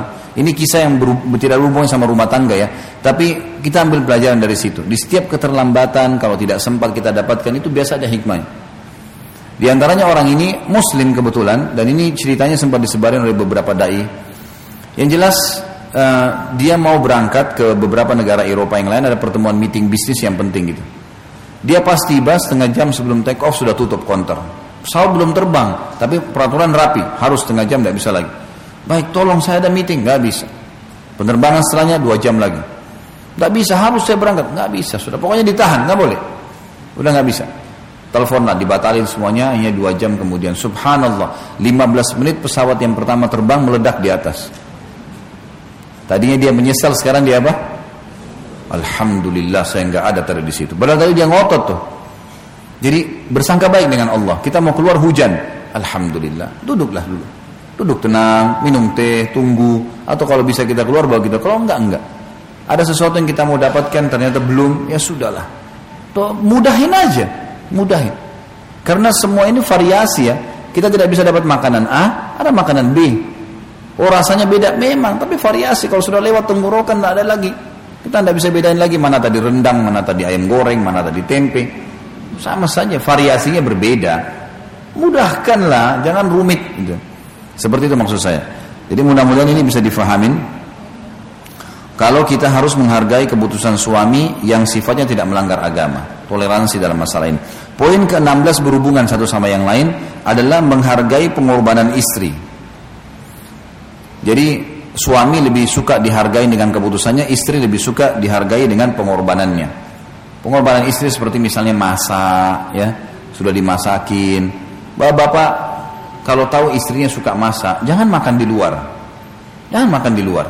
Seenak apa pun, gitu kan? Kalaupun kita harus makan di luar, teman-teman sekalian, bapak-bapak, Saya kadang-kadang kalau begitu saya kalau dikasih makanan dari luar, saya memang tahu istri saya lagi nunggu. Kadang-kadang dia tunggu dia tidak makan nunggu saya. Saya bawa pulang ke rumah tuh. Satu bungkus saya makan berdua. Nih, saya tadi dikasih di pengajian. Loh, tadi belum makan? Belum. Nah, saya tahu kamu juga lagi tunggu saya. Kan asik gitu. Kan. Makan berdua satu bungkus itu luar biasa enaknya, gitu kan? Ini contohnya saja, gitu kan? Jadi ini istri sudah masak, sudah mungkin istrinya mau buat surprise buat dia makanannya macam-macam, tapi di kantor sudah makan sama teman-teman misalnya. Pulang makannya sudah kenyang tadi sudah makan sama teman-teman. Jadi kayak nggak ada nilainya tuh makanan. Padahal bagi perempuan penting masalah pengorbanan itu. Contoh yang lain bapak-bapak kalau istri pulang, bapak-bapak pulang pekah lihat oh dia sudah pakai baju tidur. Ada maksudnya, gitu kan? Yang pura-pura nggak tahu. Tiba-tiba masuk buka baju capek, prak tidur. Istrinya sudah nunggu 8 jam di rumah. Tadi udah pakai roll on yang bagus, sudah pakai minyak wangi, pengen disentuh. Ini enggak. Nggak bisa ini. Itu pengorbanan, pekah melihat itu, gitu kan? Kalau suami lebih cenderung kepada keputusannya di, di, di, dihargai, perempuan lebih cenderung kepada pengorbanannya dinilai, gitu kan? Seperti itulah. Maka itu sangat positif, gitu. Ada teman saya, cerita pengalaman dia dan kadang-kadang kita berbagi pengalaman cukup unik lah kalau saya saya kebetulan terlintas tadi dia kerja gitu kan kemudian dia kasih hasil kerjanya dia kalau tidak salah itu dia beli produk dia lagi dagang produk dia seorang sales marketing kemudian dia lagi jual produk-produk sampo sabun segala gitu terus dia bawa pulang ke rumah dia bilang saya lagi dagang ini doain ya supaya saya berhasil ya Terus dia bilang titip juga sama istrinya. Ini saya mau bawa sebagian, sebagian saya taruh di sini. Siapa tahu kok bisa jual sama tetangga-tetangga gitu. Oh ya baik sudah sepakat. Dia cerita, dia bilang, begitu saya pulang malam, terus lapar biasanya memang saya tidak sempat beli makanan tadi di rumah apa pun makanan ada sudah saya makan. Dia bilang saya buka meja makan ada ayam goreng, ada sayur, ada macam-macam pecel, macam-macam makanan. Dia tanya istrinya, dari mana masya Allah makanan ini? Dia bilang ini hasil jual produk tadi. Itu produk yang dia dititipin laku. Dia bilang alhamdulillah kalau gitu. Dimakan dia bilang saya makan semuanya lahap karena ini hasil penjualan istri saya. Tapi di sini dia bekerja sama dengan istri yang positif, gitu kan? Kemudian menghargai keputusan istrinya mau nih mau menggembirakan suaminya supaya makanan itu dimakan lalu dia makan. Coba ibu-ibu saya tanya, kalau ibu masak suaminya makan sampai jilat-jilatin piring, senang nggak? Senang nggak kira-kira?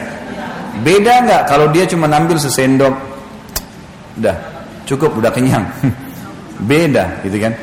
Tapi ibu-ibu juga jangan terlalu berlebihan nanti beli buat satu em apa satu baskom besar minta dihabisin semua kan kesian juga dia, gitu kan? Yang masuk akal lah, gitu kan? Yang masuk akal. Seperti itulah. Jadi poin 15 16 saling berhubungan satu sama yang lain. Menghargai keputusan suami dan ini lebih banyak kepada keputusan-keputusan ya, keputusan-keputusan di rumah, di luar rumah, keluar, beli barang dan seterusnya ya. Ibu-ibu harus tahu ibu kalau mau beli barang itu wajib sampaikan ke suami, suami tidak punya kewajiban sampaikan ke ibu. Karena pernah ada kasus rumah tangga begitu tuh. Istrinya ini kalau beli sesuatu dia sampaikan ke suaminya sampai mau beli garam, mau beli sendok benar, tapi dia berharap suaminya juga bilang yang sama. Gitu kan? Kayaknya ribut gara-gara itu. Suaminya bilang loh, saya kebetulan lewat, saya lihat barang ini bagus, di rumah tidak ada gitu. Ya. Jadi hati-hati, jangan sampai berlebihan. Ya, ada poin-poin juga yang lain tentunya tentang masalah harusnya meredam ego, gitu kan? Ego itu nggak boleh. Pernah ada seorang perempuan masuk rumah tangga begitu ya. Jadi karena masih biasa hidupnya susah sama suaminya, suaminya sempat membeli ada orang dari Bogor, kasusnya di Jakarta dari Bogor yang mikul-mikul apa kursi rotan tuh. Ada dijual 150 ribu. Dibelilah. 250 ribu kalau tidak salah harganya waktu itu. Dibeli e, kursi ada tapi dari rotan intinya. Ditaruh di rumah tersebut. Setelah berjalan waktu rupanya si suami ini Allah mudahin dapat rezeki. Dia tahu ada tetangganya mau jual sofa. Sofa kalau saya lupa sekitar berapa yang jelas ada sofa ada lemari ada segala ditawarkan oleh tetangganya dan harganya murah. Kalau dihitung-hitung itu harganya sudah mahal, sudah bisa puluhan juta, tapi itu kalau nggak salah itu mungkin 7-8 juta, jelas seperti itu. Dia bilang, kemudian suaminya lihat ini tetangganya sudah butuh buru-buru. Dia karena mau gembirakan istrinya, dia beli tiba-tiba, beli bawa ke rumah. Istrinya tiba-tiba cemburut. Dari mana ini? Bukannya berterima kasih dibeliin. Loh ini tangga tadi mau jual, saya pikir supaya kamu senang saya beliin. Loh, kan kita mestinya disampaikan ke aku dulu, gitu kan? Beli barangnya harus disampaikan sebagaimana aku juga kalau beli garpu, beli segala aku sampaikan. Suaminya ini sudah jelas-jelas tadi niat ambil keputusan untuk menggembirakan istri bukannya diterima malah jadi masalah. Akhirnya ribut gara-gara itu. Ribut. Sofanya itu berapa hari nggak mau duduki sama istrinya. Semoga Allah kasih hidayah. Tapi yang jelas seperti itulah. Yang ke-17. Cintai pasanganmu setulus hati karena Allah. Dalam kurung jangan ditunda. Atau ditahan. Jangan ditunda atau ditahan kasih sayang, koma, cinta, koma, pemberian, nanti saya ulangi lagi ya, koma, pengorbanan, dan yang seperti itu. Saya ulangi, cintai pasanganmu setulus hati karena Allah. Begitu selesai akad nikah, inilah suami saya, inilah istri saya. Lampiaskan semua cinta pada dia. Gitu kan? Dan ini orang yang menjadi pendamping saya. Dalam kurung, jangan pernah ditunda atau ditahan kasih sayang, koma, cinta, koma, pemberian, koma, pengorbanan dan yang sejenisnya. Saya ulangi lagi.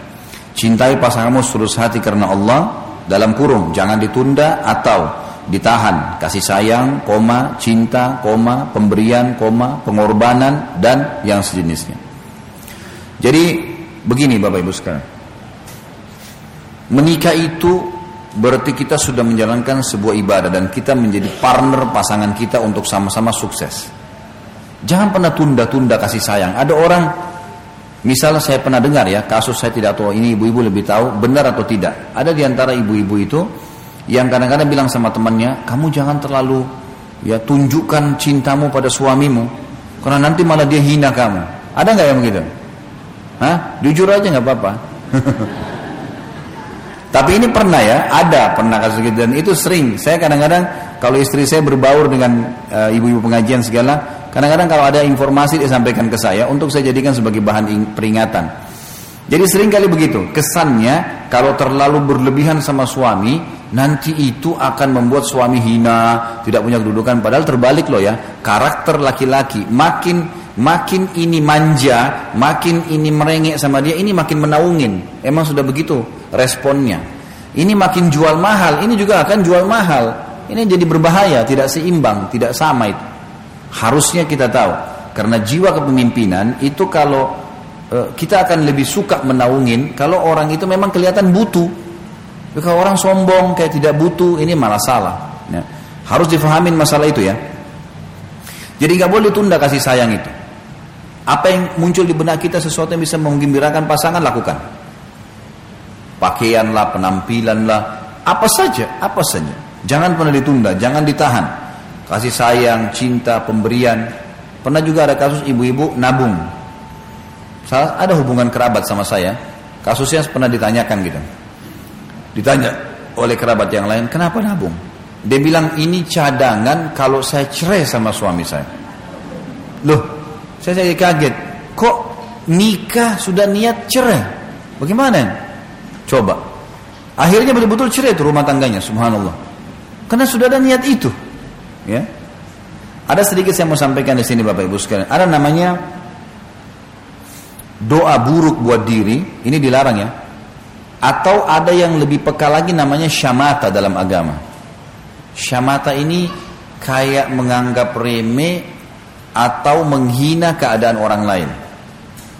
Itu berbahaya. Kata Umar bin Khattab radhiyallahu anhu dalam masalah ini, saya sangat takut oleh Allah kalau ada seorang ibu hamil lewat dan saya meremehkannya karena jangan sampai Allah membuat saya hamil. Hukuman maksudnya.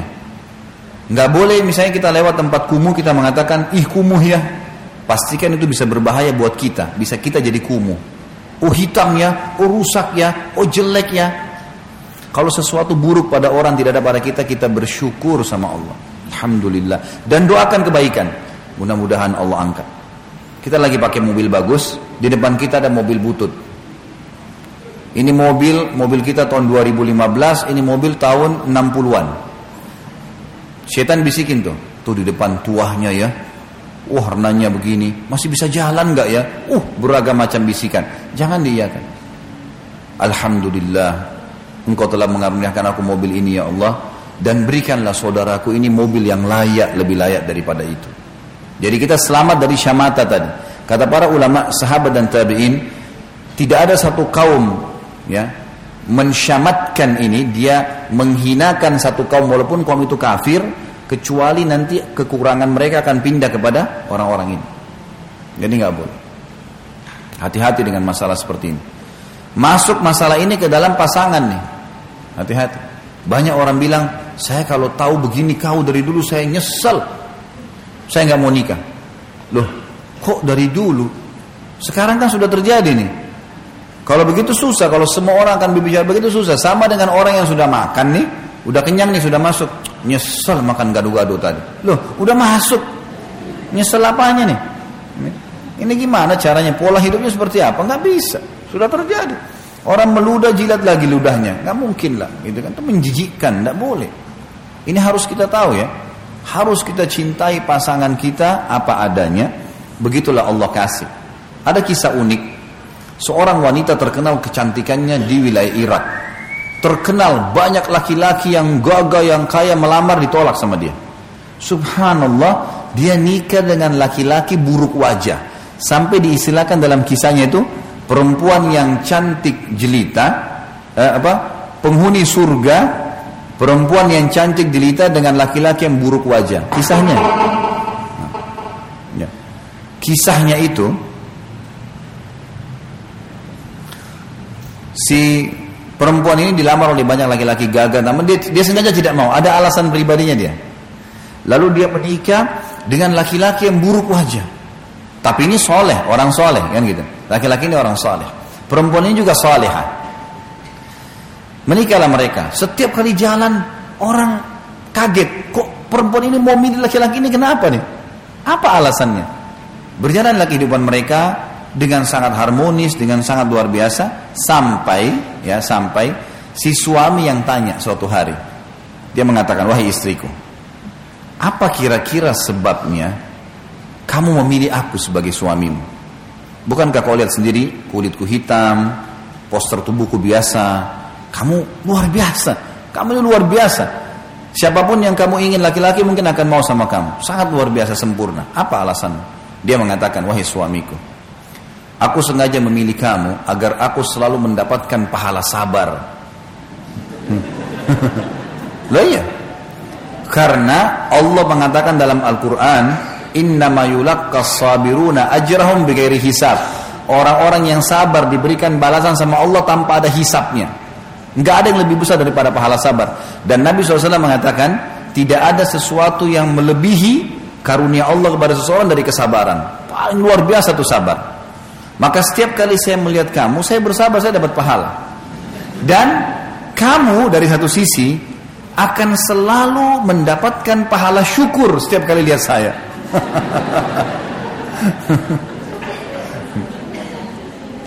Bijaksana keputusan dia pribadi.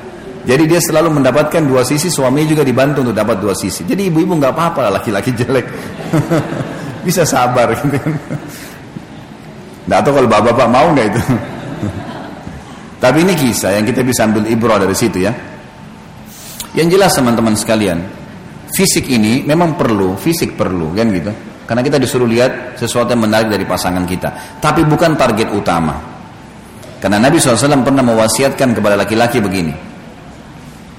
Seorang budak wanita, budak wanita, umumnya budak dulu di zaman Nabi SAW berkulit hitam dari Afrika. Seorang budak berkulit hitam, ya, dan kharma. Kharma itu nggak ada pemisah hidungnya nih. Jadi lubang hidungnya satu. Ini luar biasa jeleknya, gitu kan budak berkulit hitam kharma nggak ada pemisah hidungnya zatuddin beragama jauh lebih baik daripada wanita yang cantik tapi akhirnya menjauhkan dari agama Artinya agama didahulukan, gitu kan? Karena itu yang akan membawa kita kepada kebahagiaan. Semua duniawi ini, secantik apa pun seseorang wanita, segagah apa pun seorang laki-laki, ada saatnya dia akan keriput, meninggal, mati. Dan di akhirat jasad kita baru. Kalau ada orang lahir di muka bumi ini cacat total, matanya buta, telinganya tuli, kaki tangannya nggak ada, di akhirat bukan itu fisiknya. Sempurna. Kalau ada nenek-nenek mati umur 90 tahun, kakek-kakek 100 tahun, kita akan ketemu di surga umur berapa? 33 tahun. Kalau ada anak kita meninggal bayi umur 2 bulan dan 6 tahun misalnya, ketemu dengan dia 33 tahun. Enggak tambah sehari, enggak kurang sehari. Ini kan? Berbeda, di akhirat sudah lain nih.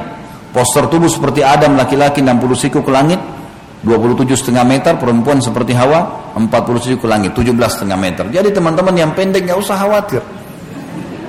Ini cuma dunia sebentar. Akhirat lain. Ya, sudah lain. Artinya saya ingin titik beratkan begini. Kalau Allah mudahkan kita dapat pasangan yang sempurna, yang Alhamdulillah. Tapi kalau enggak, jangan gara-gara sudah berjalan rumah tangga, lihat tetangganya lebih ganteng, langsung mau cerai. Atau lihat tetangganya lebih cantik, mau cerai sama istri ini, gimana cara? Sabarlah, laluin, gitu kan? Ada pahala sabar, ingat tadi si buruk wajah itu, nah, buruk rupa itu supaya kau selalu dapat pahala syukur, saya dapat pahala sabar. Kan gitu, jalani seperti itu. Intinya teman-teman, cintai pasangan kita. Cintai mereka, hibur mereka, lampiaskanlah di situ. Dan kiat-kiatnya banyak untuk mencintai ya. Seperti misalnya eh, yang yang mendasar, apa pun yang pasangan kita suka lakukan dan tidak suka tinggalkan dari perbuatan. Kita bisa saling memberikan hadiah Kata Nabi SAW, tahadu, tahabu. Saling berikan hadiah, kalian akan saling mencintai. Jadi ibu-ibu kalau diberiin baju atau beli baju, ingat suaminya. Beli suami juga. Banyak ibu-ibu Masya Allah bajunya dua lemari. Suaminya cuma sedikit mepet di ujung. Tahu diri ya? Gitu biasa. Beli baju Masya Allah 500 ribu. Suaminya baju kaos pun nggak dibelikan. Beli sama-sama. Saya yakin bapak-bapak juga begitu. Kalau beli sesuatu, kalau bapak-bapak tuh paling suka kasih hadiah biasanya. Asal istrinya menyenangkan itu pasti ada saja hadiah yang dibawa. Gitu. Jadi saling memberikan hadiah. Bapak-bapak memberikan hadiah, ibu-ibu memberikan hadiah, gitu kan? Hadiah ini macam-macam lah, bisa variasi, kreatif lah. Apa saja. Lagi masuk ke toko kue bisa belikan kue buat pasangan. Bukan untuk ulang tahun ya, tapi mungkin ada kata-kata sayang ditulis untukmu sayangku apalah gitu kan bisa ditulis taruh di atas meja kejutan kan bisa bawa bunga. Saya kadang-kadang kalau pulang, kalau saya lagi tidak bisa bawa makanan, mampir pernah saya mampir di satu toko saya beli permen dua. Permen yang yang ada kayunya tuh, buat anak-anak dulu. Saya pulang saya panggil istri saya sini sebentar, ada saya bawain kamu. Dia sudah tahu kalau saya pulang bawa apa-apa gitu. Saya bawa sesuatu. Apa itu? Sudah semangat dia. Nih permen dua. kalau satu saya satu. Oh ternyata dia semangat dibuka, diisap sama dia, tenang kita ngobrol enak berdua. Kan bisa buat suasana begitu ya. Asal mau saja ini. Masalahnya kadang-kadang kita tidak mau atau merasa risih atau merasa tidak perlu. Bahkan banyak perempuan berpikir perlu dandan sebelum nikah, setelah nikah nggak perlu dandan. Ini salah. Jadi dasternya sudah tujuh tahun begitu terus, ya luar biasa di rumah tidak sisir rambut, berantakan. Begitu mau keluar, uh rapi semuanya. Ini gimana? Coba acara pengantin tuh, ada ibu-ibu yang jelek, Semuanya luar biasa penampilannya. Gitu. Tapi kalau di rumah amburadul. Sampai suaminya kadang-kadang kalau istri mau keluar pengantin tuh dilihatin sama dia. Wah enak benar kalau tiap hari gini nih di rumah. Mesti kita balik. Di luar nggak boleh ada fitnah. Di dalam rumah malah harusnya gitu. Tidak aib Bapak Ibu lakukan sesuatu yang menghibur pasangan. Bahkan boleh dalam Islam melantunkan syair-syair yang melahirkan cinta. Yang haram dalam agama apa? Alat musik kecuali gendang. Tapi syairnya bukan haram. Syair. Lantunkan kata-kata santun, kata-kata baik, menghibur pasangan, boleh. Enggak ada masalah, gitu kan? Tapi di sini tentu pada hal-hal yang positif ya, bukan hal yang negatif maksud saya. Jadi masih boleh menghibur, mengembirakan. Sebagaimana disebutkan dalam hadis kalau bidadari di surga akan melantunkan syair yang menarik untuk suaminya. Dikatakan dalam sebuah riwayat Bukhari, para wanita surga nanti akan mengatakan, kamilah bidadari yang telah diciptakan oleh Allah dan kami tidak akan berkhianat. Ya. Dan ada beberapa lantunan syair tapi tidak disebutkan. Jadi ini ulama mengatakan bolehnya pasangan melantunkan syair. Syair ya, bukan alat musik. Pada menghibur sama dengan ibu nyanyikan anaknya kalau mau tidur. Tidak ada tidak ada larangan dalam masalah itu. Hal yang positif ya. Pernah sahabat di perang Khandak untuk memotivasi karena ini kan gali Khandak ini berat. Dalamnya kalau tidak salah 7 meter, lebarnya 15 meter. Ini berat ini. Per 10 orang Nabi SAW kasih titik tertentu, selesaikan dibuat kalian. Nah untuk motivasi diri mereka, mereka mengatakan, ya, Allahumma la isha illa ishatal akhirah. Allahumma kfir lil muhajiri wal ansar. Ya Allah tidak ada kehidupan kecuali kehidupan akhirat. Kami semua ini berlaku untuk akhirat ya Allah. Dengan suara-suara bagus mereka lantunkan dan ya Allah ampunilah muhajirin dan ansar. Di sana lantunkan di lubang yang serba dengar lantunin juga sampai satu Madinah menggema tuh. Mereka lantunkan kata-kata yang baik, motivasi untuk jihad, semangat, itu nggak masalah. Masuk dalamnya mungkin puisi, ya. Itu semua hal yang dibolehkan dalam agama. Yang penting bisa mendatangkan cinta, positif, hal yang baik. Yang itu. Kemudian juga termasuk dalam masalah biologis harus agak peka. Dalam biologis ini jangan asal jadi Bapak Ibu sekalian. Jadikanlah setiap mau berbiologis itu hal yang indah. Dengan bau wangi, mulut yang wangi, dandanan pakaian yang bagus gitu kan. Harusnya begitu. Bapak-bapak kalau pulang kerja istrinya mau dekat sebentar. Saya mandi dulu, gitu kan. Saya mohon maaf, saya tidak merasa aib kalau saya pulang rumah, istri saya mendekat, dia sudah tahu. Jangan mendekat dulu. Walaupun saya tahu alhamdulillah saya bubuhi minyak wangi di badan saya segala, tapi tetap saya katakan jangan sebentar. Saya tidak mau ada celah satupun yang kau akan mencium busuk tidak baik dari saya. Enggak. Saya akan masuk, masuk kamar mandi, mandi dulu, segala bersih, keluar segar, istri saya juga sudah sama, ngobrol enak, lebih asyik, gitu kan? Lebih enak. Jadi di, di, dibuatlah itu punya nilai, jangan tidak punya nilai. Sampai kata Nabi SAW apa bukan dari golongan yang tidak bercumbuan. Wajar orang tatap-tatapan, menikmatin alisnya pasangan mata. Halal dalam agama, yang halal-halal sedangkan pacaran pada saat itu.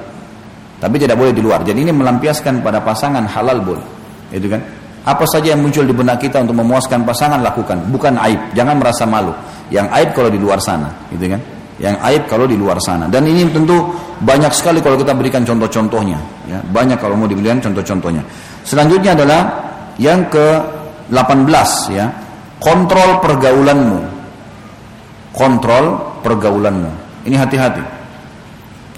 Karena banyak rumah tangga rusak jadi orang yang kedua, yang orang teman, pergaulan. Ini bahaya, hati-hati sekali, hati-hati. Jangan pernah dengar orang keluar.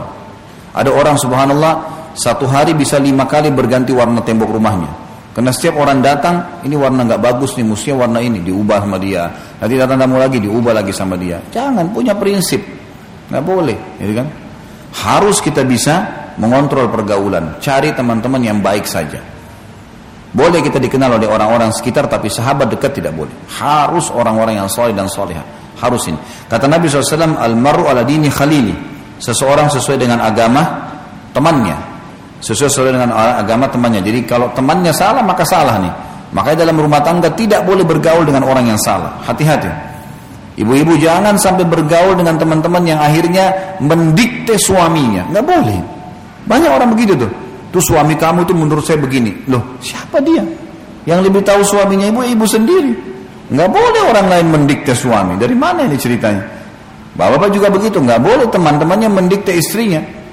Nah, kita yang lebih tahu dan tolak ukurnya adalah agama. Harus ingat masalah itu. Harus tahu masalah itu. Jadi di sini poin ke-18 adalah kontrol pergaulan. Ingat, yang dibaca kisah sukses orang mukmin dan mukminah Jangan baca kisah artis yang gagal dalam rumah tangga, kisah ini, kisah perselingkuhan. Akhirnya jadi contoh. Bagaimana caranya? Baca kisah sahabiat yang berkorban Zainab eh, Asma binti Abi Bakar radhiyallahu anha, istrinya Zubair bin Awam. Ini luar biasa. Asma mengatakan ini sampai dijadikan contoh oleh para sahabiat bagi wanita yang khidmah sama suaminya. Dia mengatakan, saya mengurus segala sesuatu yang berhubungan dengan Zubair makanannya, minumannya, pakaiannya, rumahnya sampai saya mengambil air dari luar Madinah, memikul di pundak saya dan saya menggantikan menggantikan sepatu kudanya Zubair. Kalau kita sekarang itu bersihin mobilnya, bayangin sampai begitu. Dia sampai saking ingin mencari ridho suaminya, gitu kan? Jadi Asma binti Abi Bakar salah satu ciri khasnya adalah beliau selalu menjadikan orang-orang yang dekat dengan Nabi SAW dari sahabat yang mukminah sebagai sahabatnya. Sehingga kisah-kisah mereka yang sukses yang diambil. Ibu-ibu sini baca kisah sahabiat, jangan baca kisah yang lain, sudah nggak perlu, buang jauh-jauh. Bagaimana Aisyah, Hafsah, uh, semuanya ya, Nusaibah binti Ka'ab, Sumayyah, banyak kisah-kisah sahabat yang bisa dibaca. Bapak-bapak juga kisah tentang sahabat, orang-orang saleh, baca. Insya Allah itu akan baik, memandu kita menjadi orang-orang yang baik. Karena mereka orang sudah sukses. Mereka orang yang sukses yang harus kita jadikan sebagai tolak ukur. Ingat, saya tidak merokok, tapi saya berteman dengan 10 orang perokok. Saya bilang saya tidak terpengaruh, bohong. Gak bisa. Hari pertama, hari kedua minimal sudah cium baunya. Seminggu, mereka akan bilang coba saja biar tahu rasanya. Sebulan merokok bersama mereka. Setahun jual rokok. Coba kita bergaul dengan 10 orang penghafal Al-Quran. Kita tidak tahu huruf hijaiyah, bodoh sekali.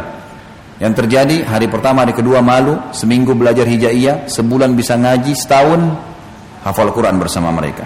Jadi harus diketahui, penting sekali pergaulan. Baik, selanjutnya, kena lihat waktu ya. Yang ke-19, sibukkan waktu lowongmu dengan ibadah.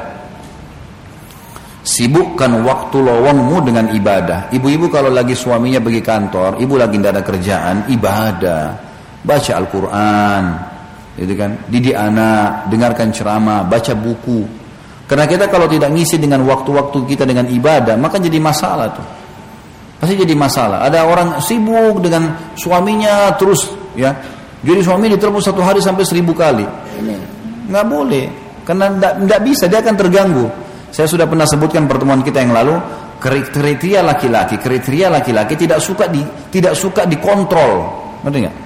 Jadi kalau ibu telepon, ibu telepon mungkin pada hal yang penting. Sudah nanti ngobrol di rumah. Jadi jangan terus telepon karena dia tidak suka kalau telepon terus. Bapak juga harus imbangin karakter istri butuh perhatian. Telepon juga, tapi jangan berlebihan kan gitu. Jangan juga kita 8 jam, 9 jam di luar nggak mana telepon istri. Telepon juga tanya kabarnya ada sesuatu yang penting. Baik-baik kamu lagi di mana? Enggak ada. Sudah satu menit, dua menit cukup. Ya, seperti itulah. Jadi harus berimbang satu sama yang lain. Ini penting ya, sibukkan waktu dengan hal-hal yang berbau ibadah. Jadi Bapak Ibu sekalian kita harus tahu kalau e, ibadah ini penting untuk dilowongkan waktunya sehingga seperti misalnya kalau ibu-ibu suaminya lagi cuti misalnya. Kemudian dia minta ditemanin. Kita belum masak, kita belum bersihin rumah, belum temani dia duduk. Sempat gak sholat duha? Nah, kadang-kadang sulit ya. Padahal sebenarnya pada saat dia lagi pergi kantor, kita kesempatan untuk bisa sholat duha. Kalau dulu dua rakaat, sekarang bisa delapan, empat rakaat, bisa delapan rakaat. Banyak kesempatan. Zikir pagi sore bisa lebih fokus, dengar ceramah sejam dua jam bisa lebih fokus. Jadi kita maksimalkan. Baik yang terakhir yang ke-20, poligami solusi dan kesempurnaan agamamu. Tentu ini Bapak Ibu sekalian, jangan dinilai negatif dulu ya. Sebab saya melihat banyak sekali orang yang menilai poligami ini satu hal yang negatif. Ini nggak boleh. Nih. Dia negatif kalau pelakunya, praktisinya salah. Kalau yang lakukan salah baru baru negatif tuh. Misal bapak-bapak ada yang nikah diam-diam atau rumah tangganya yang pertama masih belum sempurna, belum dikasih haknya istrinya, baru melangkah lagi. Nah, ini lain. Ini akhirnya merusak citra ibadah yang telah Allah perintahkan. Garis bawahi satu hal. Yang memerintahkan poligami siapa? Allah. Berarti kita disuruh untuk belajar itu. Seperti ibadah haji, seperti ibadah yang lain. Cuma memang di dalam bab bab sholat misalnya yang paling tinggi levelnya adalah sholat tahajud dan istikharah. Ya, orang tidak bisa kerjakan dua sholat ini kalau dia belum biasa duha, belum biasa sholat qobliyah, susah bagi dia. Jadi kalau temannya bapak ibu yang konsultasi, saya ini uh, ada masalah. Kata bapak ibu, sholat tahajud aja minta sama Allah. Sementara dia belum pernah sholat duha, belum pernah sholat qabliyah, nggak bakal dikerjain. Mustahil. Dalam bab nikah sama, tertinggi adalah poligami. Dimulai dari level-level bawah, pernikahan pertama, cari pasangan yang benar, berikan hak dan kewajiban, macam-macam semuanya sudah berjalan, maka target utamanya nanti ada utamanya di sana. Bagaimana caranya harus sama-sama saling merangkul. Si suami harus bisa merangkul istrinya sama-sama menjalankan perintah agama, membuat kesiapan diri untuk itu, dan si istri juga bisa membantu suaminya untuk bisa menjalankan itu. Karena poligami yang benar, Bapak Ibu sekalian itu akan mendatangkan kema ke kemaslahatan. Maslahatnya adalah akan terjalin ukhuwah, akan terjalin begini dan tidak semua orang lakukan.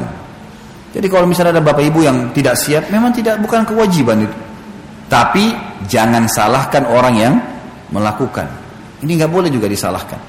Perlu untuk diketahui masalah itu. Saya akan angkat sebagai penutup teman-teman sekalian. Tentu ini ada bahasan sendiri karena nanti dalam tulisan saya, dalam tulisan masalah rumah tangga poligami ada bab ada buku sendiri dan akan kita jelaskan panjang lebar masalah itu. Tapi saya kasih garis-garis besarnya. Saya akan datangkan kisah-kisah orang yang memang ada di alam kehidupan kita. Di antaranya adalah seorang wanita di Malaysia pernah diajak diwawancarai oleh seorang wartawan dari Amerika. Kisah nyata terjadi. Dia rupanya suaminya berpoligami. Lalu ditanya, kenapa anda membiarkan suami anda berpoligami? Kalau kami di negara barat mustahil, nggak mungkin, gitu kan? Ini nggak mungkin. Maka dia bilang, kalau kami agama Islam, dan ini perintah agama atau perintah Tuhan kami, yang saya temukan adalah karena saya terapkan itu dengan keikhlasan. Yang saya temukan, saya malah merasa bisa membagi waktu antara suami saya dengan Tuhan saya. Kalau dia lagi sama saya, saya akan luangkan waktu buat dia. Kalau saya, dia lagi tidak ada, saya akan luangkan waktu buat ibadah kepada Tuhan saya. Saya lebih leluasa, bisa silaturahim keluarga, bisa urus usaha-usaha saya, bisa banyak yang saya kerjakan. Ini sebuah statement. Statement yang lain juga, ada seorang ibu yang pernah mengalami praktisi. Ingat ya, saya kalau bicaranya kita bicara masalah hukum agama, jadi bukan bicara masalah keharusan mengerjakannya bukan. Hukum apa? Karena ini hukumnya sunnah. Tapi kita kalau tidak mengerjakan jangan membenci orang yang mengerjakannya karena mereka ada orang seperti ini. Di antaranya adalah ada satu orang ibu mengatakan saya dulu sudah berumah tangga 10 tahun dengan suami saya. Akhirnya suami saya berpoligami dan awalnya saya berat karena saya belum paham. Kemudian saya mulai membaca buku, saya mengumpulkan informasi, Sampai akhirnya saya menemukan satu kesimpulan setelah saya sujud kepada Allah minta kalau ini adalah perintah Allah dan saya harus ridho menerimanya maka saya menjalin hubungan yang baik dengan istri suami saya. Terjadilah hubungan yang baik. Yang terjadi adalah saya sekarang merasakan ada perubahan yang sangat signifikan dari suami saya, lebih perhatian, lebih baik dan saya juga merasakan dulu waktu 10 tahun awal kalau suami saya datang biasa saja.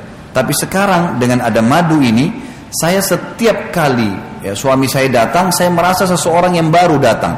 Maka saya merasa terbaharui masalah itu. Ini contoh yang lain. Artinya ada orang yang seperti ini. Saya dikontak oleh akhwat di kota Makassar waktu itu dia SMS ke saya, Ustadz apa hukumnya laki-laki menikahi tiga wanita sekaligus? Saya kira laki-laki tadi.